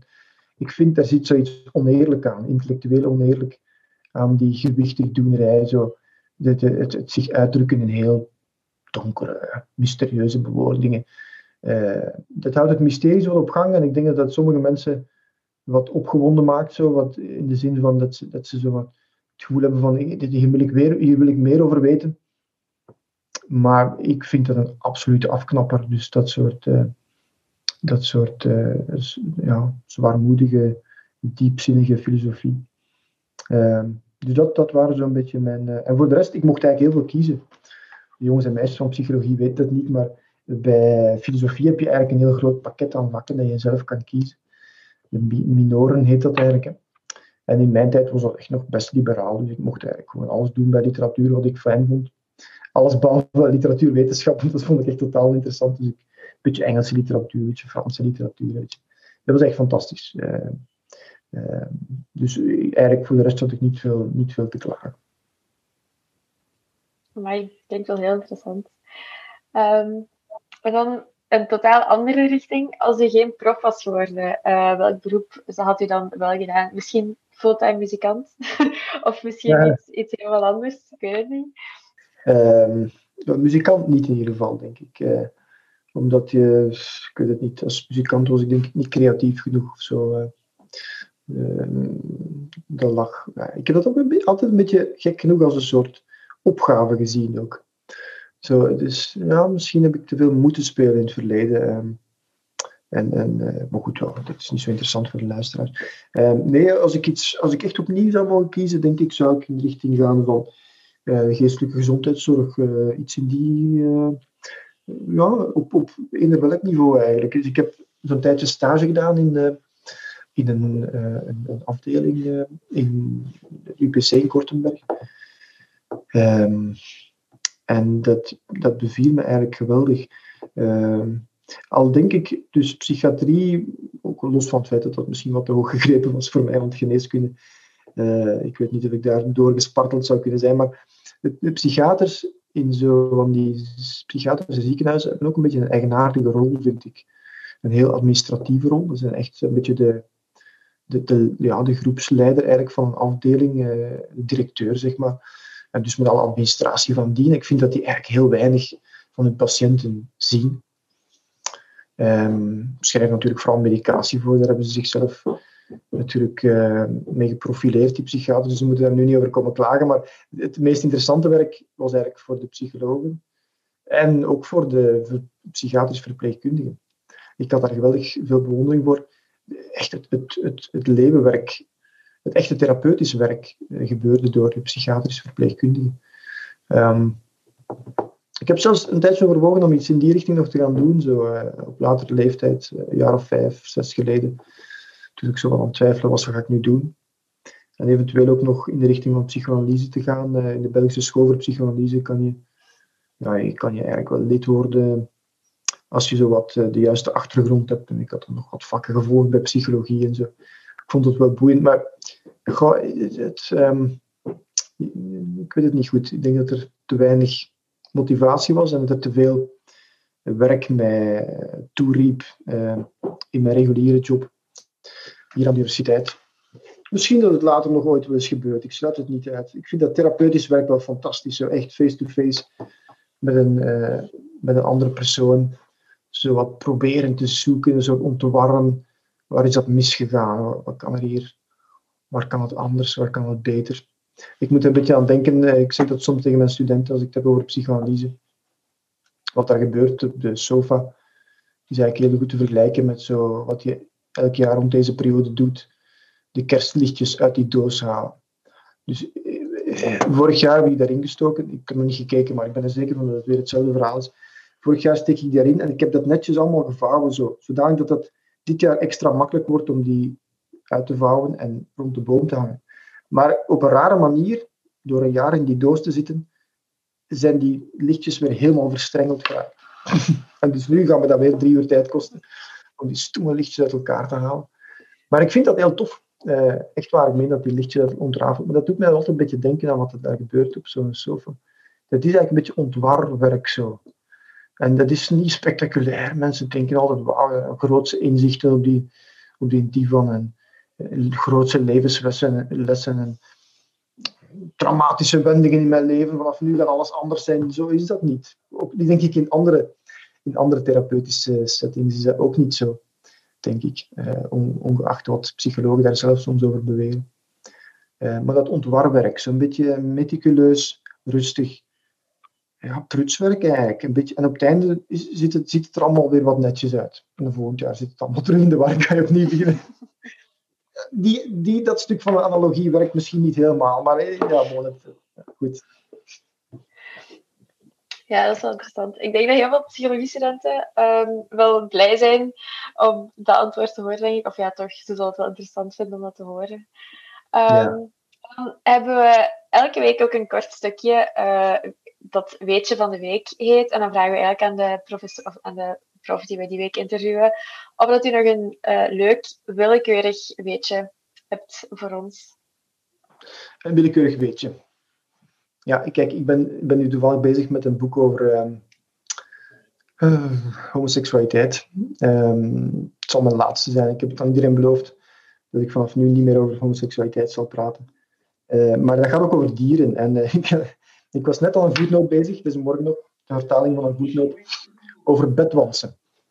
En over homoseksualiteit bij bedwansen eigenlijk. Een beetje een probleem bij bedwansen, dat is dat die moeite hebben om visueel of via andere zintuigen uh, elkaars geslacht uh, te kennen. Dus wij als mensen, voor ons is dat niet zo moeilijk. Wij kunnen de, meestal mannen en vrouwen wel goed onderscheiden. Maar bedwansen zijn daar minder goed in. En dus, er is een terugkerend probleem in de wereld van de bedwansen. Dat weten we niet terwijl we liggen te slapen, maar onder onze matras. Enfin, hopelijk niet die van mij, maar uh, zitten daar bedwansen met een probleem. En dat is dat, ze, uh, dus dat mannetjes bedwansen, uh, wanneer ze willen paren, eigenlijk op de eerste de beste bedwans springen die ze tegenkomen. En dat is vaak een mannetje. Het probleem is bij dus copulatie bij bedwansen, dat weten de meeste psychologen niet, denk ik, is nogal een pijnlijke affaire, want de, de penis van de bedwans is heel scherp. En dat maakt een gat in, eigenlijk, in, het, in het lijf van bedwans. En dus bij een homoseksuele copulatie eh, betekent dat echt fysieke schade. En dus wanneer ene bedwans de andere bespringt, wop, dan uh, veroorzaakt dat ernstige schade die soms tot de dood leidt. Wat hebben die, die bedwansen gedaan? Dat is mijn weetje. Mannelijke bedwansen hebben een soort alarmsignaal eigenlijk uh, ontworpen. Enfin, evolutie heeft dat voor hen gedaan, denk ik. Dat is dus een soort feromoon afscheiden uh, wanneer ze benaderd worden door een ander mannetje, om duidelijk te maken dat zij een mannetje zijn, inderdaad. Fantastisch, toch? Amai. De evolutie, dat is toch maar iets... Uh, echt geweldig eigenlijk, hoe dat, hoe dat, dat allemaal in zijn werking gaat. En het leuke is, als, man, als mens kan je naar het schijnt de geur, die geur zelf ook ruiken. Dus de geur van een soort paniek uh, signaal van de ene bedwans tot de andere. Maar ik heb het nooit geprobeerd. Ik heb ook nooit bedwansen gehad. Dat kan ik in alle eer in geweten zeggen. Dus ik weet niet of het waar is, maar de, de onderzoekers zeggen van wel. Voilà. Dat is heel... Je zou niet verwachten dat je als mens zo sterk kunt, kunt ruiken, maar dus blijkbaar toch wel. um, En dan als afsluitertje, om over te gaan naar ons uh, volgend segment. We hebben elke week ook een, een taboe-segmentje. Allee, taboe is veel gezegd, maar een segmentje waarin wij onderwerpen die niet heel bespreekbaar zijn, uh, bespreekbaar proberen te maken. En het mhm. onderwerp van deze week is eigenlijk uh, geaardheid en genderidentiteit. En aangezien u daar een boek over heeft geschreven al, en nu nog een of nog een derde. Ik weet, ik weet niet hoeveelste uh, deze is, maar aangezien u nog een uh, boek aan het schrijven bent daarover, um, kan u ons misschien iets meer vertellen over ja, onderzoek dat u daarnaar heeft gedaan of uh, iets, iets anders erover. Nu, het weetje sloot daar wel al een beetje bij aan. Ja, ja een beetje wel, ja. Um, ja, natuurlijk, ja. Goed, ik heb een aantal dingen over geschreven. Um, het is moeilijk om zo iets eruit te lichten dat mij bijzonder relevant lijkt. Wat mij altijd, ja, laat ik het misschien zo zeggen, wat mij altijd eh, gefascineerd heeft, maar ook geërgerd heeft natuurlijk, is waarom dat sommige mensen het moeilijk hebben met homoseksuelen. Uh, dus die hele kwestie van wat men vroeger noemde homofobie, wat men nu eerder homonegativiteit noemt. Dus meer een soort verzamelnaam eigenlijk voor allerlei negatieve attitudes of verklaringen van homoseksualiteit. Um, ik heb dat iets, iets, altijd iets heel bizar gevonden. Zo, waarom vinden mensen dat eigenlijk een probleem? Er zijn trouwens een paar geweldige sketchen erover bedacht door uh, de Amerikaanse stand-up comedyman uh, Louis C.K. Uh, die zei, ja, bedoel, ik snap niet, wat is het probleem met twee mannen die, die seks hebben? Ik bedoel, als ze dat nu zouden komen doen op mijn zetel in mijn living, of, of zo, terwijl ik aan tafel zit cornflakes eten, dan is dat een probleem. Maar ik bedoel, waarom lig ik er wakker van dat twee, twee mannen met elkaar willen trouwen? Ik bedoel, waarom kunnen daar een bezwaar tegen hebben? ik begrijp dat natuurlijk ergens op een soort uh, rationeel niveau. Uh, maar ik heb er altijd wat moeite mee gehad. En, en, en die homonegativiteit die wij nu zien, het is echt klein bier in vergelijking met wat er in het verleden uh, gebeurd is met uh, homoseksuelen. Een van de eerste terechtstellingen van homoseksuelen hier in, in, was hier in België, trouwens in Gent, op de brandstapel in de jaren 1300, als ik me niet vergis. Dus die mensen hebben echt afgezien, afgezien in het verleden. Op allerlei mogelijke manieren. Er is nog een prachtige film trouwens, verschenen over Alan Turing. De man die uh, die Engelse wiskundige die van de Enigma-code mee heeft helpen kraken. Een beetje geromantiseerd allemaal, maar wat waar is, is dat die man, dat was een homoseksueel, dus op een bepaald moment uh, is hij betrapt geweest uh, op homoseksuele activiteiten en is dan in een soort verplicht behandelingsprogramma terechtgekomen, waar ze homoseksuelen behandelen met behulp van bepaalde hormoonpreparaten en dergelijke meer. Was ook dingen, aversietherapie bijvoorbeeld, dus shocktherapie en, en misselijkmakende medicatie, eh, terwijl dat homoseksueel naar homo-erotische eh, prenten of video's moesten kijken. Dus er is daar, enfin, er is daar bedoel, echt wel een beetje een historische schuld die wij hebben als maatschappij ten aanzien van homoseksuele mensen. Um, en ik denk dat dat, ik weet niet goed, ik kan van alles vertellen over geaardheid enzovoort. En, en, en het aangeboren zijn daarvan, en discussies daarover, en evolutie van homoseksualiteit, en dierlijke homoseksualiteit. Maar misschien dat dat nog wel een grote drijfveer van mijn werk over homoseksualiteit, is een soort, ja, in het Engels zeggen ze setting the record straight. Hè, zo, een soort genoegdoening. Ik bedoel, compensatie bieden eigenlijk voor wat die mensen hebben meegemaakt in het verleden. we zijn nog niet, we zijn nog niet vanaf. Hè. Ik bedoel, als je ziet hoe in sommige landen de conservatieve regeringen bepaalde verworvenheden terugschroeven, hè. zoals het homohuwelijk in, in sommige Oostbloklanden, in Hongarije, in, Polen enzovoort. Uh, dus echt nog veel werk aan de winkel en er is vooral een soort bestendigingsarbeid nodig. We mogen nooit denken, uh, de strijd is gestreden ook niet in België trouwens. Maar goed, ik denk dat we hier in, in Europa en bij uitbreiding in de wereld een van de beste mogelijke situaties uh, zitten. Oh, goed. Is dat iets waar je mee kan werken? Ja, dat was een hele mooie afsluiter. En dan ook een, zal ook een mooie um, overgang maken naar het volgende segmentje, denk ik. Um, ja, heel erg bedankt dat u wou meedoen aan het interview. Ik denk dat heel veel luisteraars het heel interessant gaan vinden. Allee, ik vond Misschien ben ik biased omdat ik erbij zat, maar ik vond het altijd wel een uh, heel interessant gesprek.